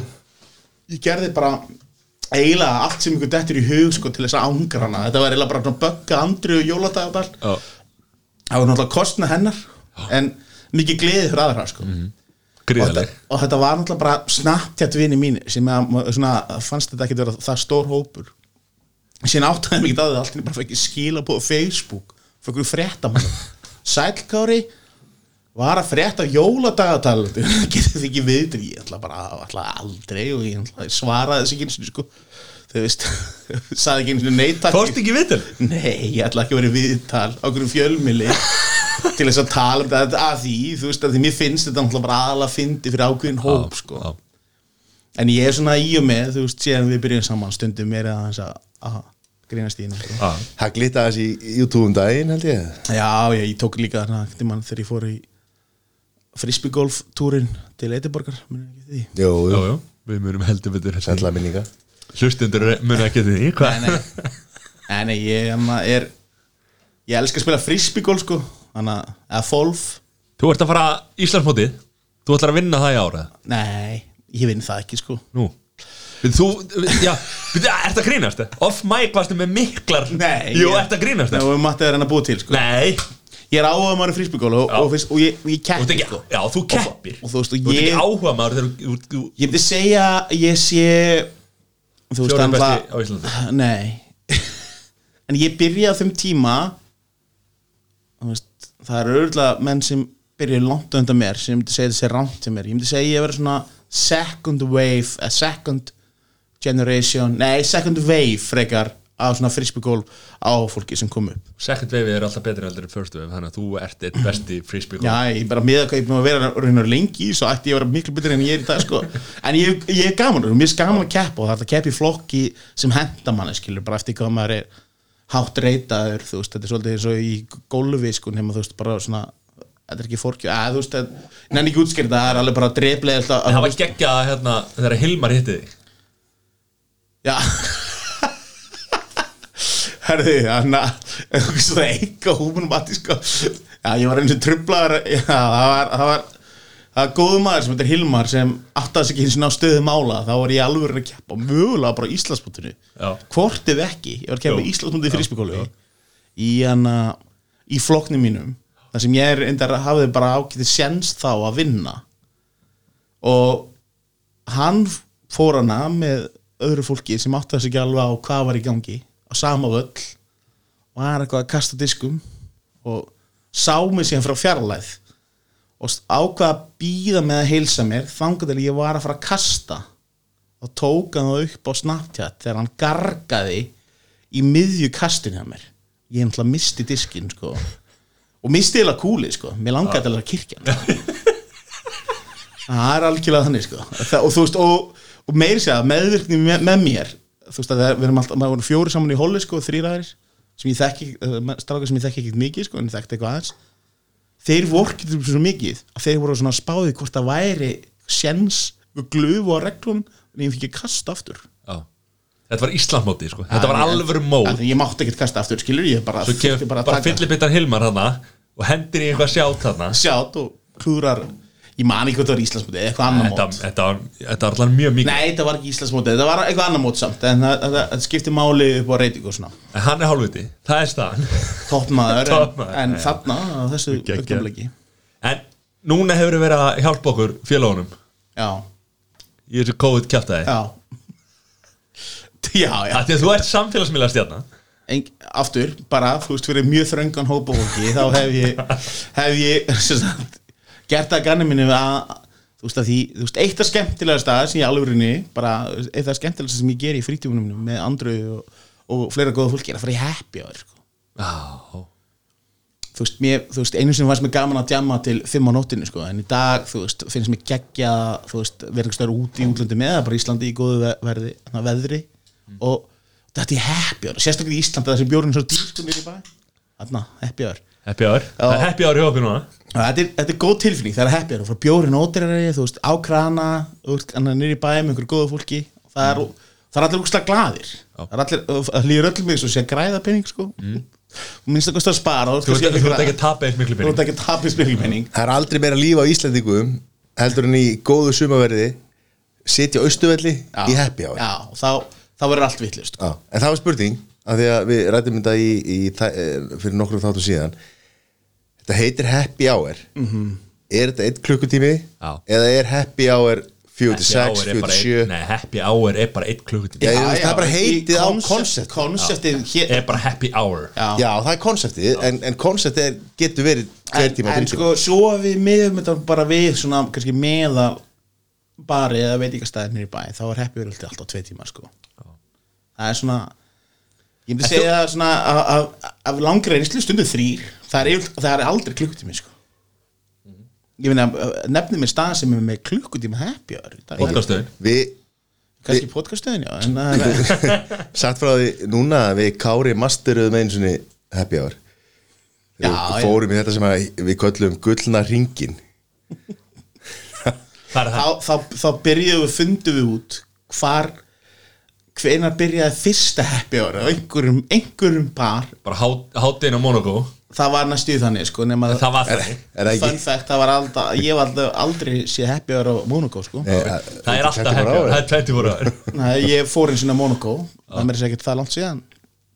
Þannig að í haust römbum við framjá því aftur, ég er gaman að það er svolítið svona fólk er alveg svona Monaco hvað fólk er þar fínasti bar, bara og nota benni mjög hreitt líka sko. Ég spyr, er, er, er, er með eitthvað happy er eitthvað tilbúð á tilbúðbarnum það er bjór skot og tvær síku og tvö skall. Það er gjöfun ekki gjald maður. Það er það er besta tilbúð það er, það er sem Það ég er síkó já, tvær síku. Og hvað er bara sáni læti eða hvað, viðst hún? Ég er ekki ekki, en ég tók þessu, tók þessu tilbúð ekki sko, en þetta var bara skemmtilegt sko, ég veit ekki hvað gæst valið sko. Geðveikt. En þannig að, En þú ert búin að vera að hendi happy hour Já. Hva- hvað Hvað er að gera? Þetta er á hverju kvöldi? Nei, þetta er ekki hverju kvöldi sko. Nú, Nei, ok. Ekki, ekki tala, ekki tala að þeir Nei, að, nei, þú veist já, já, Svo er Nei, sko, ég, ég Af því Alma hérna landlæknir, hún já, er að Já, banna- sko, ég, þannig að þegar þetta, þetta COVID-rugl byrjaði, þegar, þegar maður fann almennilega fyrir, sem maður fann það bara, herðu, núna þurfum við bara að vera heima, sko, nú þurfum við bara, það er ekkert að gera neitt. Að þá hann að datt mér í huga að gleða vinni mína. Og byrjaði happy hour. Ég, sem ég fór bara Snapchat og reyndar líka á Insta story og hendi í vídeo og sagði, happy hour er byrjað. Bara 50, happy hour núna frá 5 Þetta er ekki alveg rétt hjá Kári það sem hún sagði þér var að við verðum að í þessu COVID-rugli þá erum við að halda í hefðir Við verðum að halda í eitthvað sem við getum ekki gert allt sem við viljum gera. manst Nei, já, ég, sem gleymur Að mann hluti sem að tengjast áfengi. Sem að skipta máli. Það En já, þú sagðir, við, þú veist, við halda Við getum ekki gert allt sem við viljum gera Nei, nei. En við verum að halda í þær hefðir sem að við, við hérna, viljum Já, já, það er, nei, nei, ég er góð sko. Það var að- Já, það er algjörlega þannig og það var náttúrulega í alvörinn konceptið með þessu, það bara, þú veist, mér, þú veist, Þetta er geggja og no joke, það var svo fyndir, það var svo viðbröðum var svo mikil, sko, Mhm. miklu meira heldur ég átti vona og alveg ótrúlega fólk líka á Instagram, ég er ekki alltaf eitthvað að séra því, þú veist, bara fólk bara eitthvað, herri, takk fyrir þetta, þetta er bara í alvörinn að bjarga geðils Þetta var, þetta er og ungur þannig að ég hef gert mér, ég er náttúrulega kannski, þú veist, ég er ekki að hendi happy hour á mánudegi eða þriðudegi, sko, Ekki nema fyrir, en, fyrir engan, sko, ekki? Nei, Ok. Ég veit ekki hvað það er nei, já, sko ef það væri nú einhver leini klúbbur eða eitthvað svoleiðis, þú segir alltaf þessi einhver VIP-klúbur já, það er VIP klúbbur. Það er, það er, sko, það er reyndar nokkur í VIP klúbbnum. Já. Þeir fórst um lengra happy. Já, ok Ok, ok. Það en, en auðvitað náttúrulega er ég ekkert með happy hour á mánudegi þriðudegi en nema sérstakar aðstæður gerast. Sko. það gerst einu svona, það var frábært veður um daginn. Já, og sól, það var happy hour sko. En náttúrulega við verðum, svo- en við verðum, verðum að hlusta á ölmu. Já. Allt, allt þú vinnur í nánu samstarfi við Ölmu. Já, og ég náttúrulega er ekki að hveti til þess að fólk sé endilega að halda fram að drekka eftir hefri það heldur bara meira svona að taka eitt, tvo drikki, njóta og síðan bara kalla það gott Góður. Já, nei, Góður. ég bara það er, Nei, já, ég er bara svona Það er- Þetta svona Jón Ársjálf Já, góður. Góður. Þetta er allt saman í, sam, sam, hérna, í samstarfi við Ölmu og líðheilsu Ég markmið er eitthvað Íslands. sko, ég mætti hérna með Malbygg bjóra því ég sko, mér langaði svo, ég er að vona einhverju Malbygg heyri þetta sko. Já, að ég er búin að skála rosalega oft í Malbygg bjóra. Þannig ég er að, þú veist, að vona, ég er alveg til í að vera samfélagsmiðla sérna Já, ef Malbik borgar. Malbygg þú veist, bara sponsum, ég er að tala um sko, þú veist, geði mér eitt frían bjóra af, af sex sem ég kaupi, eitthvað, bara eitthvað svona, eitthvað svona smá. Ég, er, ég elska þetta sko, ég er til dæmis núna var að drekka áðan humar, Sendu núna á þá hérna doppla IPA. Matti, ég veit að þetta er ekki fyrir þig þetta er fyrir fólk með smekk. Fallið dósin, Góður. Kannski setið þetta inn á podcaststöðun eftir. hver ældi framan á dósuna þannig sko. Það er einhver limmiði, limdur utan Hvaða ruggli er þetta? svona eru Nei, ég ætla fallið ekki að drulli yfir þetta hérna, Nei, ekki- Ég er ánægð með Malbik En sendu bara post Já. Segjum að það verið í spjalli. Á. Í speginu spjalla. Já, ég er mögulega að gera Já, gerðu það ég kýla það, ég, ég var tilbúin að- er sko. fyrsta skipti sem ég var til að vera sponsor. Var, ef það var eitthvað fyrirtæki var að uppáhalds, ándjóks, bara uppáhalds björframlegum í Íslandi. Ég sé samt strax vandamál við þetta sko að því að, að ég held að ég held að happy hour happy Kongo eins og ég kalla það, muni kannski missa svolítið sjarma ef að það þarf alltaf að vera hashtag ad hérna, yfir öllu í, í, í Nei, það Samfélagsmiðla stjórnir eins og Kári Hann setur all- alltaf bara í hvít Hvít hérna, þú veist hérna það- stafir, mjög litlir Og á hvítan bakgrunn sko. white on white bara. Já, já, ég myndi náttúrulega ég, ég var alveg tilbúin að vera smá siðblindur þarna sko. Já, ég myndi ekkert segja þetta var rétt. Ég myndi alltaf bara að vera bara með Malbec. Já, já Þannig að við skulum ekki vera kannski með þetta live Í þættinum. Nei, nei, já, já, já, við þá, já. við skulum sleppa þessu. Uh, Gleimum hugmyndinni. Uh, Það var gott við henni daginn. Þú keftir nýtt grill. Hvað er þetta grilla núna? Sælir. Já. Vestafalli getur sagt, ég sagði alltaf það er Malbik reyndar ándjóks Já. ándjóks, bara svona annað tips. Að því, þetta er alveg sko fyrir mig bara svona, þú veist alltaf mannesku ég held að þetta sé ekki, þetta er náttúrulega ekki gott fyrir neitt Hvað? þetta ástand sem er í dag Já, já hvort um að fólk eitthvað sem er ekki að þannig að introvertinni elska þetta þetta fólk sé alls konar skala sko. Sumir halda til dæmis að ég sé alltaf bara tilbúin að vera alltaf bara með öllum sko. Já, ég er það ekki, sko, ég elska alveg bara mýta þeim alveg ofbúslega mikið og mér er bara mjög dýrmætt fyrir mig að vera stundum bara einn með mér, sko, að gera það sem mér langar að gera á þess að vera í samskiptum. En síðan alltaf bara byggist upp eitthvað svona, svona þörf fyrir því að vera í samskiptið aðra. Frábært hitta ykkur í kvöld til dæmis var hugmyndinni segi bara ánanskríns að ég sagði þér ætliðum að hittast og fá okkur tóttir að bjóra. Að þið höfum ekkert núna að hittast. Svo ert ég að tróða mér inn í þetta sen þurftum við að fá matta líka. Eh, við látum, við hafa það. En, Og hann kom maður þarf upptökuræði svona- með sér. ég átti ekki grill heima. Já, og þú veist, og var, þú veist flotta svalir. Flotta svalir, sko. Ekkert grill. nei, alveg umulegt, Það er sko. galið. Og allt sen sumar voru ég andri hef, við varum að kaupa okkur grill, sko, sem gerði það aldrei vorum alltaf að skoða og bara síðan alltaf bara þegar þetta, þetta byrjaði, maður svona lokast inni og byrjaði eitthvað take-away, maður verður fljótt þreytur að panta eitthvað take-away og elda, þú veist, það er alveg svona ákveðin hömlur líka á því þegar maður alltaf bara elda í eldavélinni eða á pönnunni skilur og það sé að láta það fjölbreytt. Þannig ég, við splæstum í grill.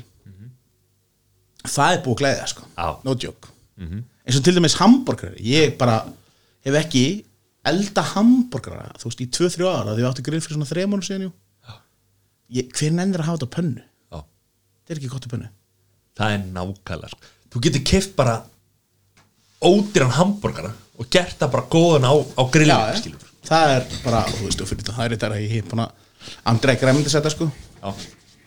og skellur Já, mér mér leiði þannig fyrst sko, en alls ekki í dag sko, bara frábært í henni en þannig að ég svona, en hún þú er ekki svona græmiðsetta sem að bannar þér að, að borða kjöt er þetta að heita margar svoleiðis eða? já. Þeir mætir í partí. Nei. Þegar mætir í partí? Já. veistu hvernig þú veist að þessi græmiðsetta í, í partíinu? Nei, nei, hún er búin að segja það. Ok, það er sko þarna, þarna, er einhver svona carnivore tjók í gangi sko. Ok. en þannig að, nei, nei, þú veist, ég menna ég, þú veist, ég borða þú veist, miklu oftar, þú veist, ekki kjöt sko, en þú veist, þessuna þegar ég, þú veist, ég er bara svolítið bara tileng með það. Til þess að ég á með lasagna í kvöld. Það er alltaf græmitis lasagna þetta já, bara með soja hakki. Drullu gott frá Anna Annama já. Mæli með, ég meira sér bara að plata hashtag ad. Nei, er þetta ekki ett núna, sko, en það er kannski annar fyrirtæki sem ekki til þings Nei, hann að En þú veist, já, ándjókst þá gaf ég til dæmis bara fjölskyldu meðlumi bara lasagna eftir þetta daginn. Sagði þeim, ég geti segja bara einu lasagna og börnina svo allt. Og sér hringdi ég bara, hvernig það, geðið lasagna já, þú veist að þetta var ekki kjöt og þau bara, ha? Þú veist, að því hefði ég sagt það fyrirfram já, þá getur lofað þér því að það hefði verið svona að mér svona, mm, já. Þetta er ekki, þetta lasagna var ekki græmitislasanna, það er ekkit græmiti sko, mm. bara basically, þetta er bara basically ostur, lasagna plötur, kótasæla og hakki, sko, krydd og sósa, þannig að það er rosalega lítið, já, jú, tómatar eða eitthvað svona.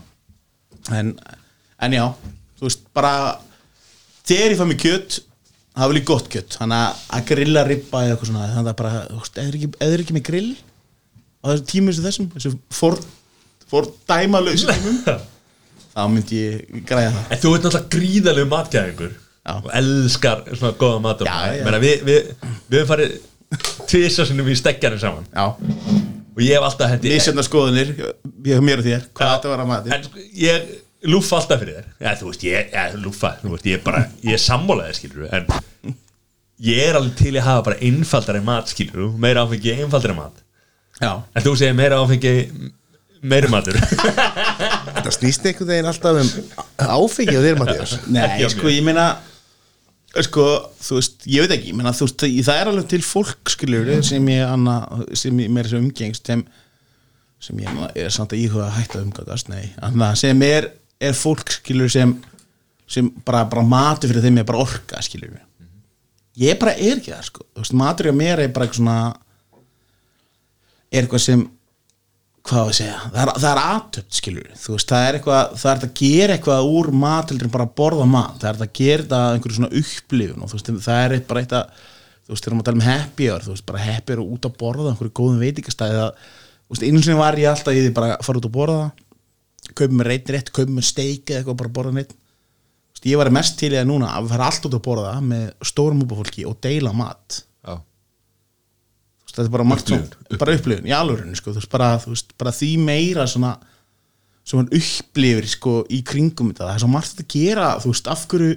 að borða það þarf ekki alltaf að vera óholt af hverju að borða bonda mat til það er svo auðvelt að gera eitthvað þess að þú segir eitthvað, vil bara hafa þetta einfalt en það er margt sem getur verið einfalt þess að bara miklu betra heldur en bara eitthvað En, er, það, ok, ertu að segja að beikoristinn hjá mér á kvikk hérna áðan hafa ekki verið upplifun? Ég meina, tíminn sem það tók fyrir þig að vera þar inni, ég skal lofa þér því að ég geta svissað ykkur upp á grillun heima sem hefði verið betra á sama tíma sko.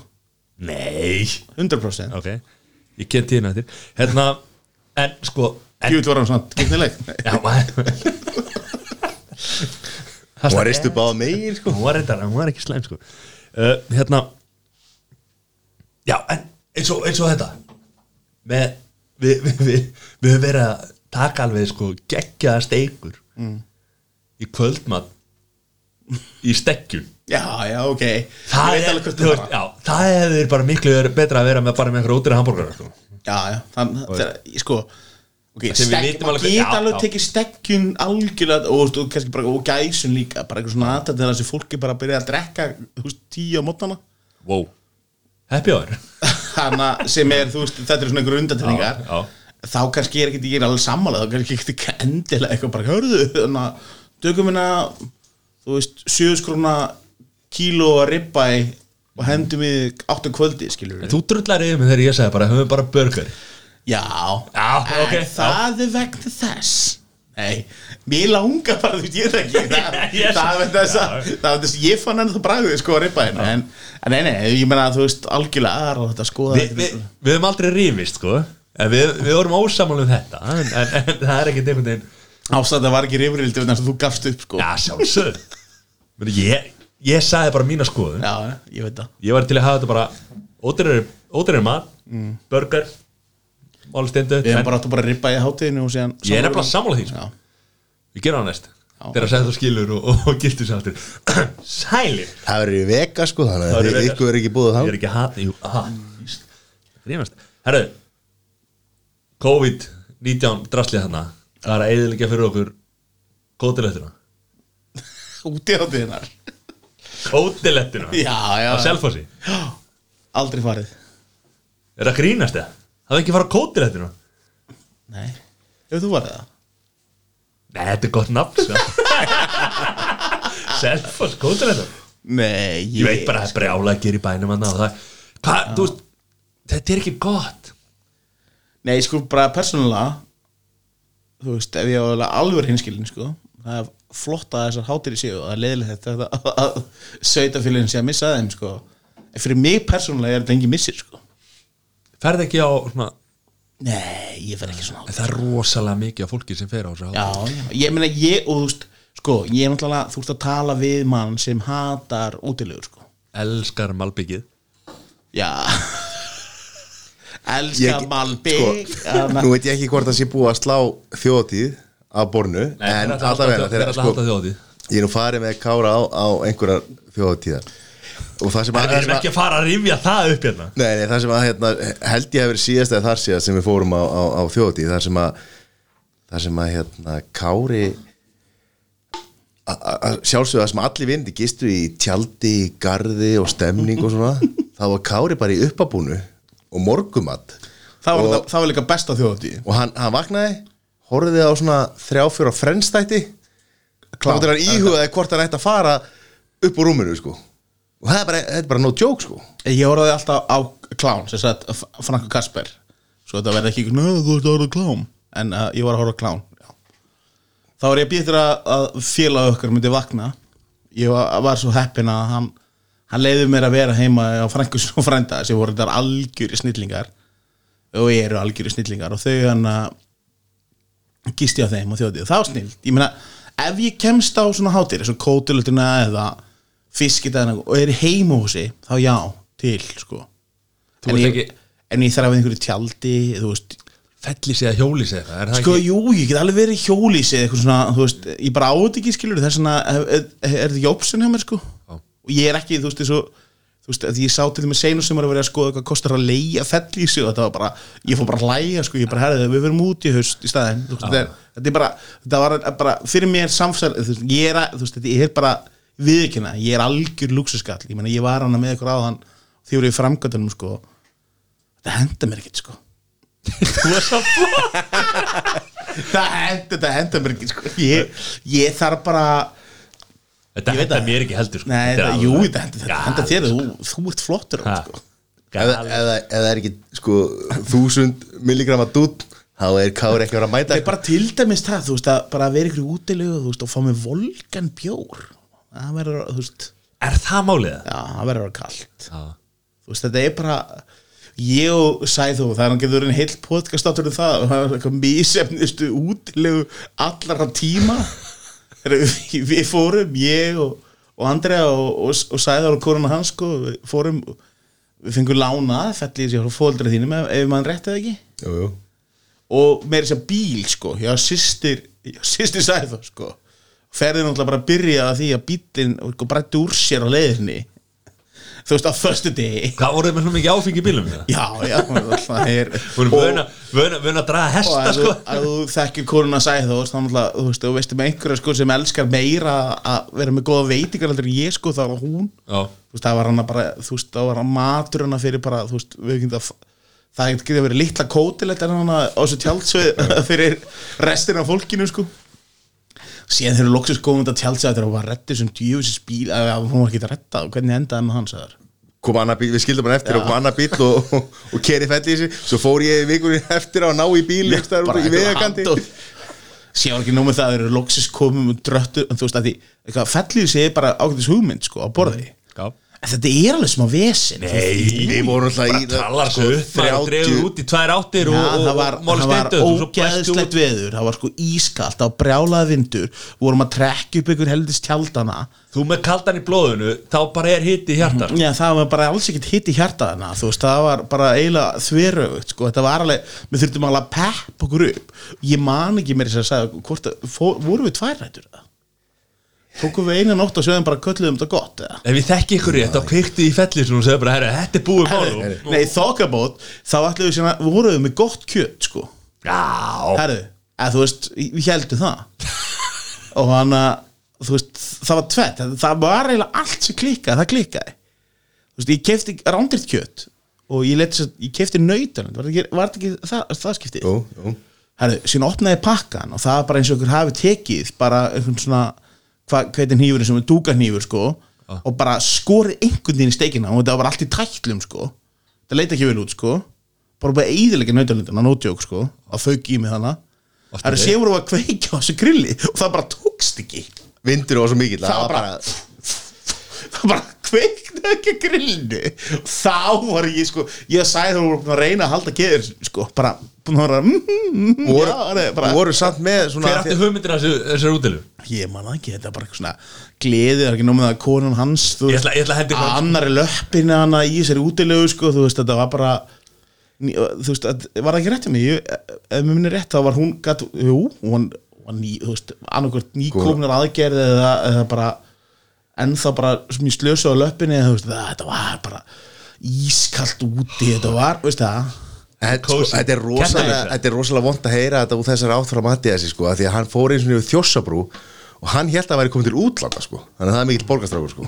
Fór, slaka á, ég hef alveg farið útilugur Þetta er innast Já, sko, þú veist, ég meina hvað er veist, ég bara, þú veist, ég vel sumabústað eða bara heimahús bara einhver staðar út á landi þú veist, ég, bara ég sé ekki fegurinn í þessu, sko. Ég tengi alveg við það, skilur en ég, það er líka alveg kósi að hendi hitt, sko en, en Hvað er kósið það? það er Að bara vakna í tjaldi, hvernig er gott að vakna í tjaldi? Hvenær? Já, Þegar að vindurinn að berja svona í Já, ég meina hvenær? Að þegar maður ekki vera gott við þá eru ógislega heitt. Þú veist, ef það er ómikið rigning og bara sopna ekki bara Kost, kost, bara, þetta er- kost, kostur við að vakna þegar það er drulli heitt sko, þá getur það hendið fram úr sko, bara á nærbúrsunum sko, og út sko, og þá er bara heitt úti það er ótrúlega hvað Íslendingar eru hvað eru mikið útilegu fólk miðað við það að það er nánast aldrei veðrátt til þess að að fara í útilegu. Það er annarkvort og kallt eða og heitt þegar sólinn lætur sjá sig. Það var einnig þetta, þessi fellísi þú dregur þetta út spennir sko hérna, hérna tjaldi yfir. Já. Þið veitir hvernig fellísi virkar sko. Já, ég, svo- svo- ég svo- þú Já. erum mér sér leikt fell í þessu sótum þetta kepla ykkur sko þannig að svo, láttu þetta ekki svo sko. setur þú sko hérna svona játn undir til að halda rúmun uppi sko. Hvað er þetta ekki trapísan eða? Já, nei, já, já, já, já. félagi minn hérna var að hérna var í svona fellisi og, og hérna svo hann var hann brasi í korunni og gleymd að setja játni hérna undir þannig að þau duttu bara út og endu á grasinu sko. Já, mitt. Í miðum brasinu sko. Þetta myndi ekki gerast í sumbústæði ekki erum að setja í kói nei Nei, nei, ég veit ekki, sorry ég, en, en bara í dag, þú veist, ég Nei, það er ekki að dæma maður, slaka á. Mér þykir væntu fólk sem elskar útilegu sko, en ég er bara ekki þegar fólk er bara, ó, svo kósi að kveikja prímusnum og eitthvað, og ég er bara ég tengi ekkit við það sko Það er líka bara gott að við sem ekki öll eins sko. en sko þetta er samt líka þetta er líka tilfinning. Veist, maður hefur farið á þjóðtíða sem að ríkti svo mikið að maður þurft að hérna, fara inn í þórseimilið eða, hvað sem þetta er. Svo hefur maður líka verið á þjóðtíð þar sem að það er bara 22 gráður og, og geggja. Og svo hugsa maður alltaf bara til þegar góða veri var, þegar stemningin og tilfinningi var. Og svo er maður að fara líka bara Kári mín, en það vil ekki heyra, heyra þessa sögur sem hún segir um útilegur af því að við höfum farið í margar helviti góðar útilegur. Mikil stemning og, og mikið, Já, mikið gaman. já, ég meina, en í öllum þessum útilegum sem við hefum farið í, ég veit neða þessi andjóð Það er alltaf verið þunnur. Nei, það hef ég alltaf einhver svona ræðilega sögur Ég er alltaf með ræðilega minningar af möllum Þú veist, það er frábæra minningar af möllum Til dæmis eitt Closetmál Ó, ég elska það Þú veist, eins og við fórum hana Við fórum tvísa sinnum eða ekki Sæður, við hjálpum mér að munna þetta rétt í Hallgirsi, hana háskólaútileguna Þú veist Þeir, sko, þegar þú farið illt í magan sko, þú veist, á svoleiði stað það sem er sko, notabenni, það er ekki það er ekki fyrirfram þú veist, settir salerni annað það, þetta er bara svona þú veist, bara þessi ferðaklósett sko. Og þú þetta var að fara að klósetti klukkan 11 á kvöldin sko og smetla hérna niður. Það er ógeðslegt sko. Hvað erum við að tala um bara með, með gat og bara þú sér, Já, já, sér já. bra, brasið og Gömlu- Já, en það er líka allir búin að, þú veist, bara mýga út fyrir þetta, það er bara kúkurinn er komin, þú veist, bara hálfalið upp úr og þú veist, að, bara þessi litlu hlutir, þeir bara Þetta er ekkert leikir hlutir, þetta er Þetta greið skemmir, já, litlu þetta, þetta, þetta skemmir alveg alltaf fyrir mér ég, svona hlutir verða bara að vera tip-top, sko. En að skýta út, ef það er ekkert klósett Já, ég hef bara aldrei gert það, ég ætla aldrei að gera það, sko. Ég hef aldrei kúkað í náttúrunni. Þegar sér bara, bara kúkar hann einhverju hólu Ég bara hugsa, ok Hvernig, all- hvernig ger ég það? Sæður, Það er að vera að hækju mér og þú veist Eru kúkaði í náttúrinu? Já, skeini mig bara með fjórulega smára Ég er með það, hversu Það er en það- Nei, ég, sko, ég, ég held, ég man ekki eftir í svipan, sko, en Ég man það ekki heldur. Ég held ég að Nei. Það er líka úkislega Já, ég meina ég, Ég veit það getur vel verið að Fólk gert má það alveg kalla með það sem það vil sko En ekki síðan, bara skeint sem er hundasúrum, það er síðan bara þeir sem hafa verið á þjóðatíð að Því ég er náttúrulega Ég sett fór þrísum svona þjóðatíð Og fer líklegast ekki aftur Nema að ég verði aftur í heimahúsi Og þetta verði bara eitthvað svona a- þetta er náttúrulega geggjuð hátíð. Já, ég er alveg saman á því. Hún, er, hún geggjöð mörgu leiti En það er nokkur hlutir hana Sko, fólkið sem ákveður að herjárstæðal þá alla minna virðingu skili sko. það er ógeðslega staður held ég á Íslandi sem getur tjálta á sko. mm. því þú ert bara búin að tryggja þér að ég ætla að nota salur í staðstöðuna á versta staðunum á Íslandi sko. þið sem hafi farið á klósitið í herrastálnum þetta er eitthvað sem maður langar ekki að gera sko. Þess að- vegna, þess vegna veist, ég hef einu sinni þurft að fara þú veist, ég man allavega eftir einu skipti sem ég þurft að fara til þess að kúka sko. Ég bara setna mér, bara ég held ég bara í mér sko. Þið, þú vilt ekki kúka henni niður frá það er bara ekki það er er ekki hægt sko. En sko Það var, eitt félagi mér hérna sem er eh, minn, mér hæsti félagi, stærsti félagi hann er, já, hann, hann geggjaði sko. hann týndi arbandinu sínu eða sett hérna hvað segir maður, já, já, arbandinu sínu og hann var nýri herrúsa allan tíman, alla helgina sko. já, það er þú veist annað og nú hugsa ég um- og þarna megan og skeitan og gerðu alla, alla sína en, en þarfir hvernig þreif hann sig? Bara ekki. Nei, einmitt, þú veist, það er líka svona hluti sem dröfla mig, en þú veist, það er kannski bara þess að, þú veist, ég er með sóriasi, sko. Já, þannig ég bara verða að vera í sturtu bara einu svona dag, sko, ef ég geri það ekki þá bara, þú veist, þá kirkji ég einhvern, sko þannig að mér líður bara það illa í úðunum, sko. En bara vera hana, þú veist, ég, eins og, mér finnst þjóðatíð, bara þjóðatíð frábær, sko, því ég var alltaf í luxusþjóðatíð og einu sinna áður átt, átti ég að vera í tjaldi enda er reyndar í annari íbúð ég myndi það samt ekki kalla það luxusátíð þetta var bara, ég var einhverju dínu þar í andur en það var mjög skrítið stemning. Hvað stelpaði þetta? við vorum bara allt og mörg saman og stelpan ef hún er, ef, ef, útskýra þetta, var þetta swingersparti nei, ég náttúrulega ekki útskrift nógu mikið þú veist, ég var algjör þú veist, ég var bara einna, þú veist, við vorum hana stór hópur af strákunum sem vorum algjör dúsbæk, sko. Áttum ekkert að fá að vera hana fyrst, sko. En svona, það voru svona inn í íbúðinu þá? Já, já. en húsarandur voru svona eiginlega svona mm, samþyttað með semningi að við værum hana vorum hana alla helgina sko. Þannig að ef þau eru að hlusta sko þá bara byrst ég inn í lóðsökunar sko. Ég ætla að þú veist og ég hef ekkert mér til varnaðar sko fyrir ekki niður létt þá sko. Já. bara með það að vera þar sko sér fór ég í þriðja og senasta skiptið og það var annað þegar ég ákvaða að kíkja á sunnudegi. Það það er margir fengið þessum. Bara, þú veist, þá vorum við í bænum og vorum meðlega allir strakkanir í bænum. Og vorum búin að djama það bara 5. fyrsta á lögða sem lögðaðum tíma vorum við bara verðið bara frá þjóðatíð Gekkið hugmynd. Og bara, já, kýlum á það. Og við kýldum bara, keftum bara með það í, í herjórstaðleginu og, og í ferðinu, ég átti flug heim sko, að því á luxusþjóðatinu minni, sem ég að fara þau líka sem ég var held í 2009 þá var ég ekki bara alla tíman í heimósi, þá átti ég líka bara flug heim, sko, það var geðveikt sko, þá geggja við öll tíma þetta var bara þvílíkt góð, góð helgi. Þannig ég gerði það bara samhana. Ég kefti herjólu út sko og átti flug heim. Kom ég hann á sunnudeginu bara í fínu veðri. Og við vorum bara búin að þú veist að fjórða degi í, í vittlisu sko ég held sagður að þú að vera hana líka. Þetta var, kannski að rífa sér þetta var 2010 og síðan alltaf var bara svaka gaman. Fram eftir kvöldi sé byrja að veðri eða vestna ég hef búin að fara einhvern heimósparti og svona svaka gaman. Tróðum einhver hvít tjöld. Síðan bara tvöðu nóttina bara á tínu öllum síminn batterislaus, rigning og rók ekkert bara vendilegt rók það er bara ógeðslegt sko og þá bara klukkan tvöðu nóttina var ég bara búin að bugast sko. Ég átti flug sko nýja morgunin og ég sá það alveg í hendi mér ég var ekkert að fara að fljúa neitt sko. Sem var rétt, það var eina rétt ákvörðun minn þessa helgina. Mörgum slæmi, það var ein rétt ákvörðun. Þannig að ég ákvaða að ég var bara að frétta það að ég ætti bara að mæta snemma í, í Herjólf og býða eftir að komast inn í Herjólf og vera eitthvað svona að ég fó bara, mætti nýra bryggju í ykkur lengstu, það var allir bara gefast upp að að þetta ári sko. það var bara, þannig að hálf fjöru nóttina það var bara röð, bara sko alla bryggjuna og bara ógeðslegt við allir, öllum að rigna niður.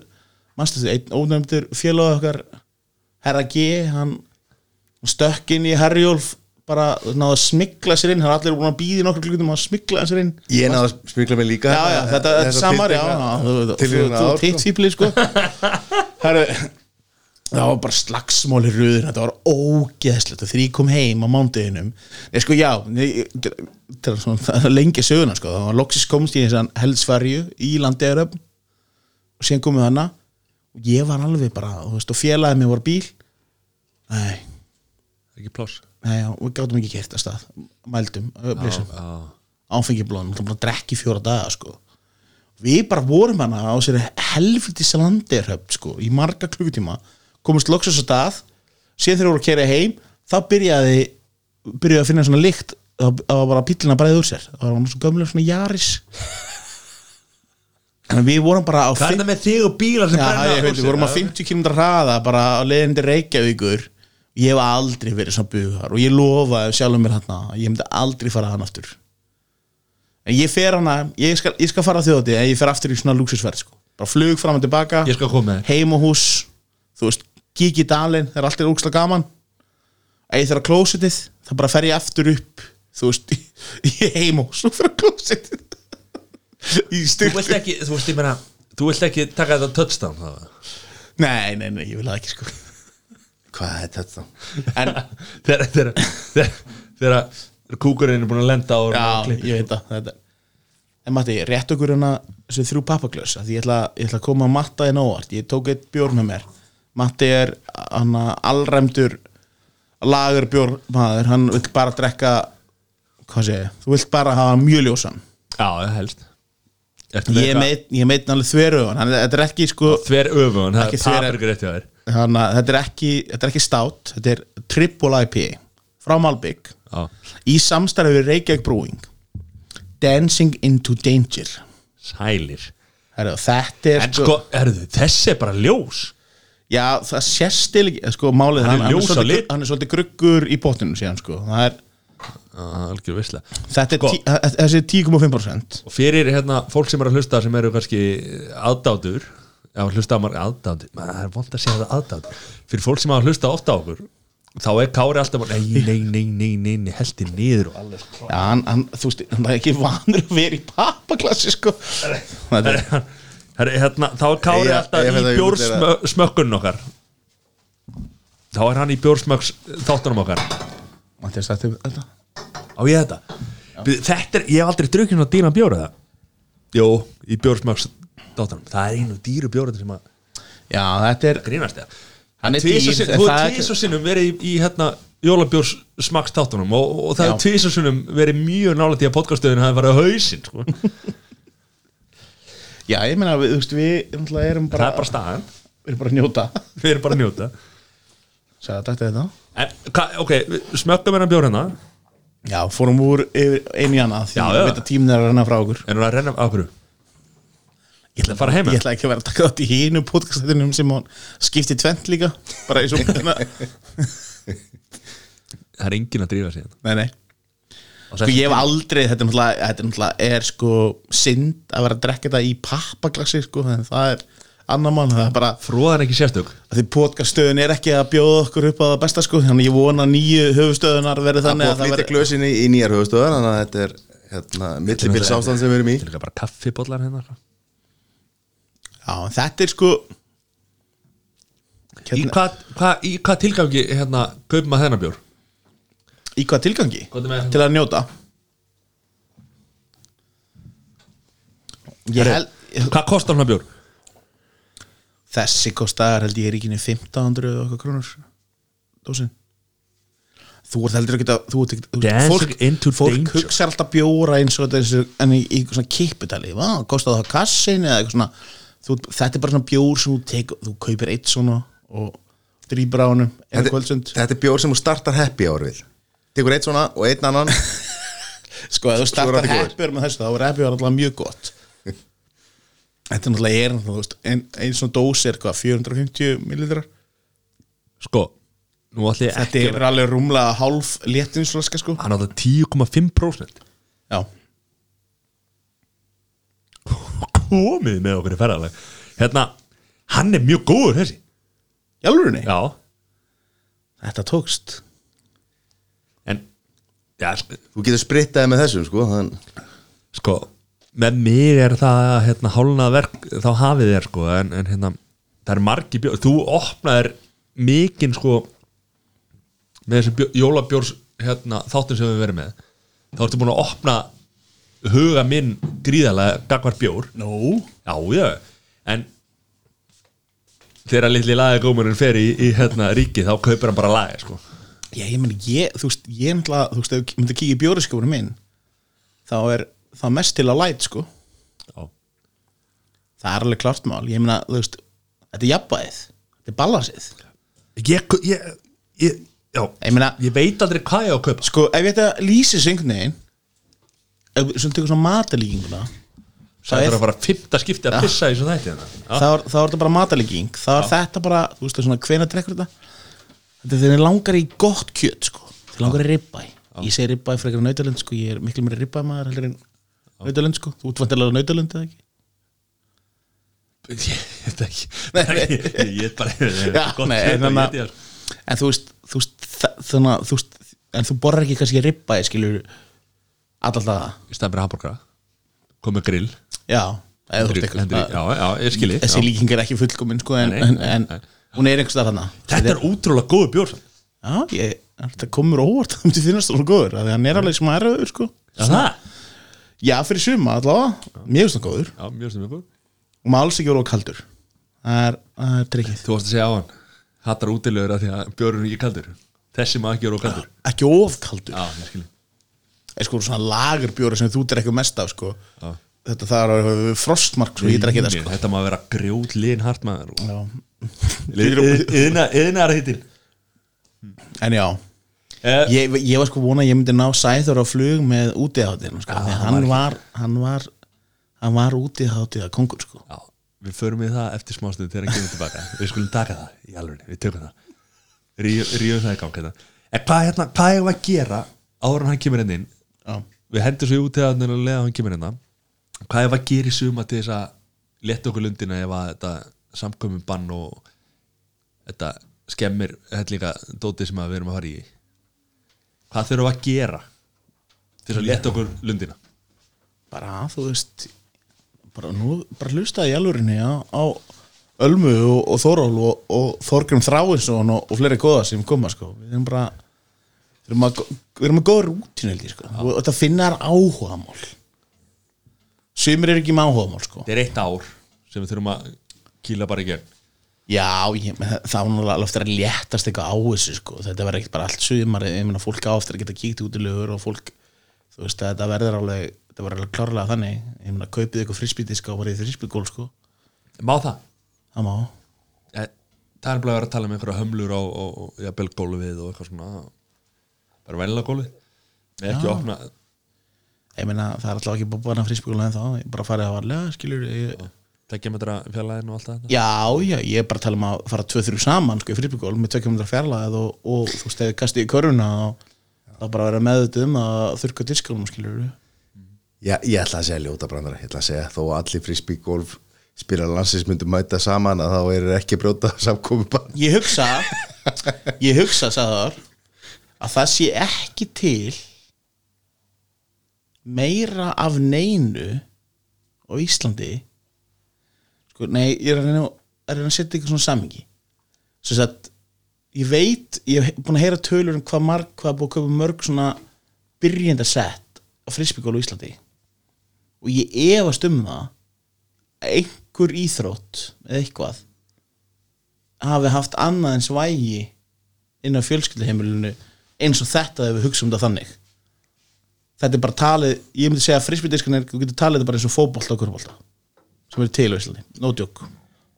Vöxtur í greiður og ég, bara þetta er rosa gaman það, sko. það, það er alls konar Það fólk frisbydiska sko, þú veist, en ég, Bara að fyrir- segja liðlega brandara sko. Kári hefur nú dreifið nokkur sinnum og við hefum nú spilað Hann er aldrei fengið mig með sér Ég hef búin að beða hann um Nei, af því að þetta er að golf á að vera gaman. Já, ég er búin að beða hann um að koma með sér í frisbygól oftar heldur en hann hefur beðið um að koma inn á podcast átt Búm er B.O.B.A. ok. Nei, ekkert kjátt að Hérna, en sumarháttíð þetta útileguðinu sem var sumar útilegu kongurinn Sæður Ertu búin að setja Þú varst útilegu kongurinn í kannanda hann var Það held ég ekki. Nei, en, en þú varst, þú varst svona úti, út, úti hátíðar kongur Nei, að því að til þess að kannski setja slaufa á þessu umræðu sem vorum að tala um aðan um útilegundar sko. Nei, kongurinn Nei, ja, við vorum Þú varst tala- kongurinn við vorum að tala um Hvað, úti hvað fórstu ofta á þjóðatíð?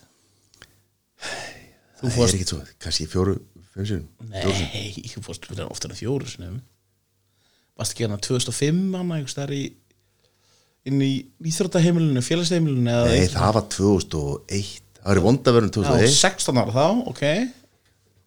Það er ekki 16 ára aldurstakmark það Veitu hvað? Þú varst kongurinn Þú byrjaði 16 ára frá þjóðatíð einn. Sælir. Án fórramanna og fóraldra Já, eins og allir hinn 16 ára sem voru á Málið er að. Sæþór hefði farið mikið, hefði farið mikið oft þar en hann var farastjóri alveg frá sko 2005 Og fimm. til 2008 sko. Já. hann endaði fyrirlin á því að fá mig í vinnu og fór ekkert aftur. Þannig að Hvað stóð upp úr í Mista góðum þjóðum þar. Hvað, hvað stóð upp úr í Í útilega, útilega hátíðum Hátíða kongurinn Ég, fó, ég hef ekkert farið, ég fór á einum öllu Hérna þá, eða Halló Akureyri Já. Galtalæk. Já. um, Það fara flúðir Nórsum Ég, þú varst að búa þetta Nei, ég var ekki að búa þetta þetta nei, úti hátíða kongurinn Já, Nei, sko, um það. það sem að le, leiði mér að klára, ég er að tala um að, að ljúka þessu útilegu hugmyndum á Kári er núna að segja að hann hérna, fordæmir útilegur að hann sögna því að hann vil að þetta sé vesen og, og þú ert að gista á, ég- á, á í, í vondu umhverfi og vond klósið og allt það. Þetta er bara ekki, ekki fyrir mig Já, en Kári, málið er núna, fyrir, 20, nei, fyrir 15 ára síðan þegar við erum tvítvýr þá var þetta, þá voru, voru við ekki að fara að lauga vatnaður og þá var þetta rosa gott sport sko Já, það var lí- líka verið þess að maður, já, já, það var algjörlega það maður var náttúrulega bara desperate, sko, maður var bara, þú veist, maður var í makaleit, sko, þú veist, maður var að finna sér, þú veist, þetta var náttúrulega bara, þetta var svolítið svona náttúrulífs þáttur, sko, farið útilegur hinn sinni, sko, það voru, þú veist, það voru allir þannig sí, sömi er þetta gjör, sko, þetta var bara stórt nefnum bara í, við, það er okkur að kenna, okkar kynslu að kenna, að það var að byrja að setja aldurstakmark á útilegsvæði sko. Sem var 25 ára sko. Heiði, ég fór á Elborg 15 ára. Þegar eina borða Ég er að Þetta er að segja, segja. ég veit það Ég var að gleyma því maður. Jebla Joe var með comeback. Það var þetta svo úti að því var enda kend við Já, já. kendi smjörsýru en, en hérna Þú nefnilega. Þú ert alveg rosalega svona early bloomer í jammi sko og náttúrulega kannski engin þannig sé fyrir mynd þú veist Þóról þú veist að sko þú veist, 15 ára farin Eldborg 16 ára þjóðátíð þetta var sko en það var erfitt að eiga að sæða þessum vina mennskólahaldur hann var mikill bad boy. Hann, hann líti ekki reglum. Held ég ekki Hvað verður að búa til? Ég er ekki að búa til þetta? Nei, þú veist 15 ára Nei, ég meina þetta á þessu tíma þetta var, Það voru Hjóla geng Það út af voru- þetta. það Það var ekki ferðamanna innan þar á þessu tíma. ætti var- að mæta á tjálsvæðin og borga sér inn og svona, svona. Sæðar, ég skal loða því að ég veit að Elborg er algjör svona, þú veist hvað að segja in, infamous hátíð á Íslandi. Og þú veist og fólk er ekkert með góða minningar margir að henni sko. En það var ekki margir 15 ára sem fóru bara einir á hana sko þú fórst sé, fórstu 16 ára þjóðatíð sko. Þú varst algjörlega óstöðandi það er þessina þú ert mestir reynslubóltan okkar hinn inni í svona í útihátti stemmarinn sko. Og hvað stendur upp úr? það toppar ekkert þjóðhátíð í góðu veðri. Og það mun ekki toppa það því að að, sko, Átni Jónsson var nöðsilegu hluti af, af þjóðhátíð sko og Ingo við ykkur er að er gera ágæstlífi það er ekki stemningin. Átni Jónsson með gítarinn það er þjóðhátíð. Það er þjóðleikúsið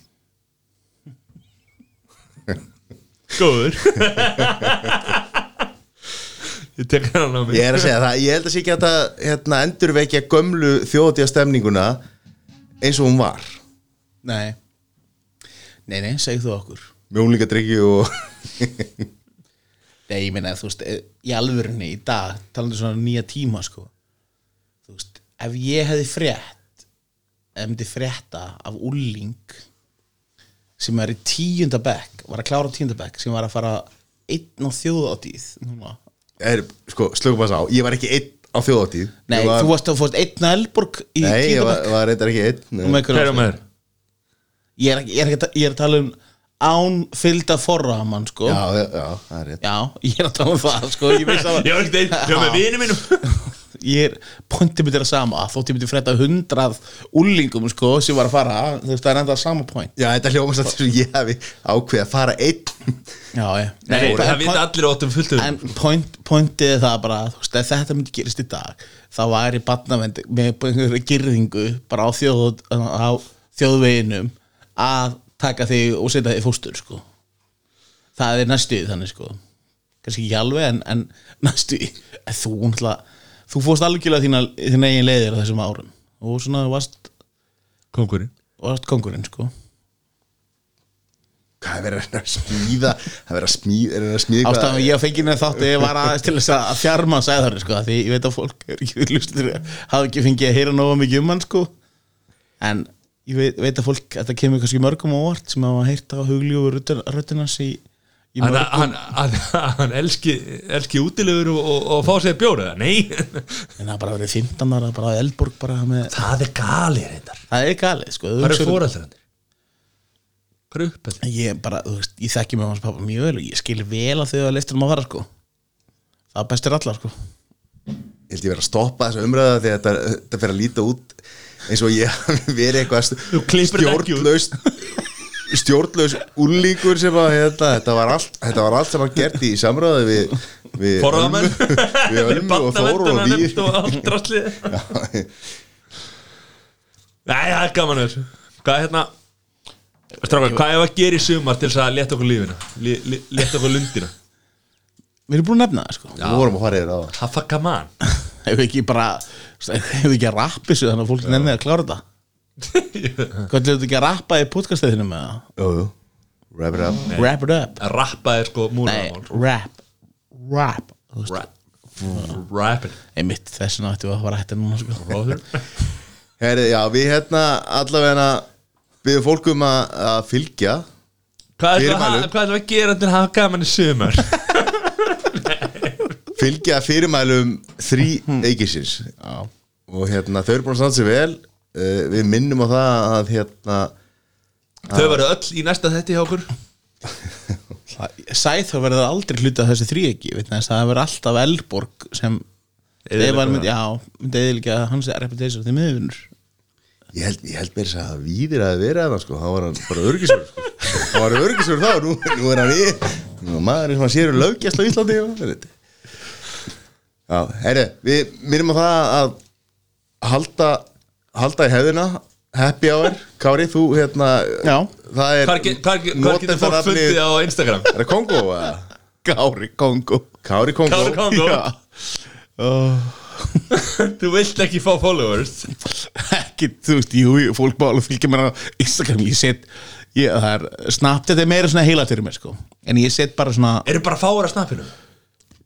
Ég hef alltaf passað með að halda Snapchatinu, þú veist, þannig að, að ég er svona, Þannig þegar þú sko, málum þú veist, sumir er svona, það er ógísla fyndi, ég ætla að segja eitt, að ég er að vona sérstaklega svona ákveðin og hópur af fólki sem en að sé að hlusta á Það. Það er allir hættur að hlusta En ok, halda en bara, þú veist, hópurinn kannski svona 18 til 25 ára heldur að Snapchat sé dögt, sko að þau eru hægt að Snapchat. En það sem á eftir að koma þeim ógæslega mikið óvart er að hópurinn og þau halda bara Snapchat sé bara fyrir eldra fólk núna, sko. Já. er að ef þú ferð niður fyrir þau 13-15 ára þá er þetta 50-50 Veist Snapchat? já, bara svona eitt, eitt móli í lokinu sko. Já, algjörlega samt, sko. Veistla það er veistlega Við erum líka einhverju geggjari grúpu Svo við hérna. Við erum ekki ekki og þú veist, það er það sem er snildið snabbt Já, sko. en, jú, jú, því Maður ég- ma hendur einhverju hann inn, skilur sem að bara Maður hendur einhverju út Svo er það bara farið. Bara farið. Enginn að dæma. Já, svo bara server einhvers staðar í þú veist á Reykjanesi hugsalega gegnum Erlend stórfyrirtæki sem er að vista þetta allt saman og þetta er allt saman til þar. Já, bara það gott að ég hafa góðan lögfræng þá. Má vista allt núna sem ég senda að snabbt þetta sko, það er ekki eitthvað siðverðslega rómt sko. Þetta er Já, meira- Ok, ég mitt Herru Kára minn Takk kærlega fyrir komuna. Já, Og þetta takk fyrir að þið bara að koma, loksins. Takk fyrir Ha? Það er grín Það er engi verið beðin um að koma eins oft eins og þú sko. Það er upptekinn Takk fyrir okkur. Já, Fuck me, fuck you. Facebook. Yes. Fulla ferð. Fulla verð Takk fyrir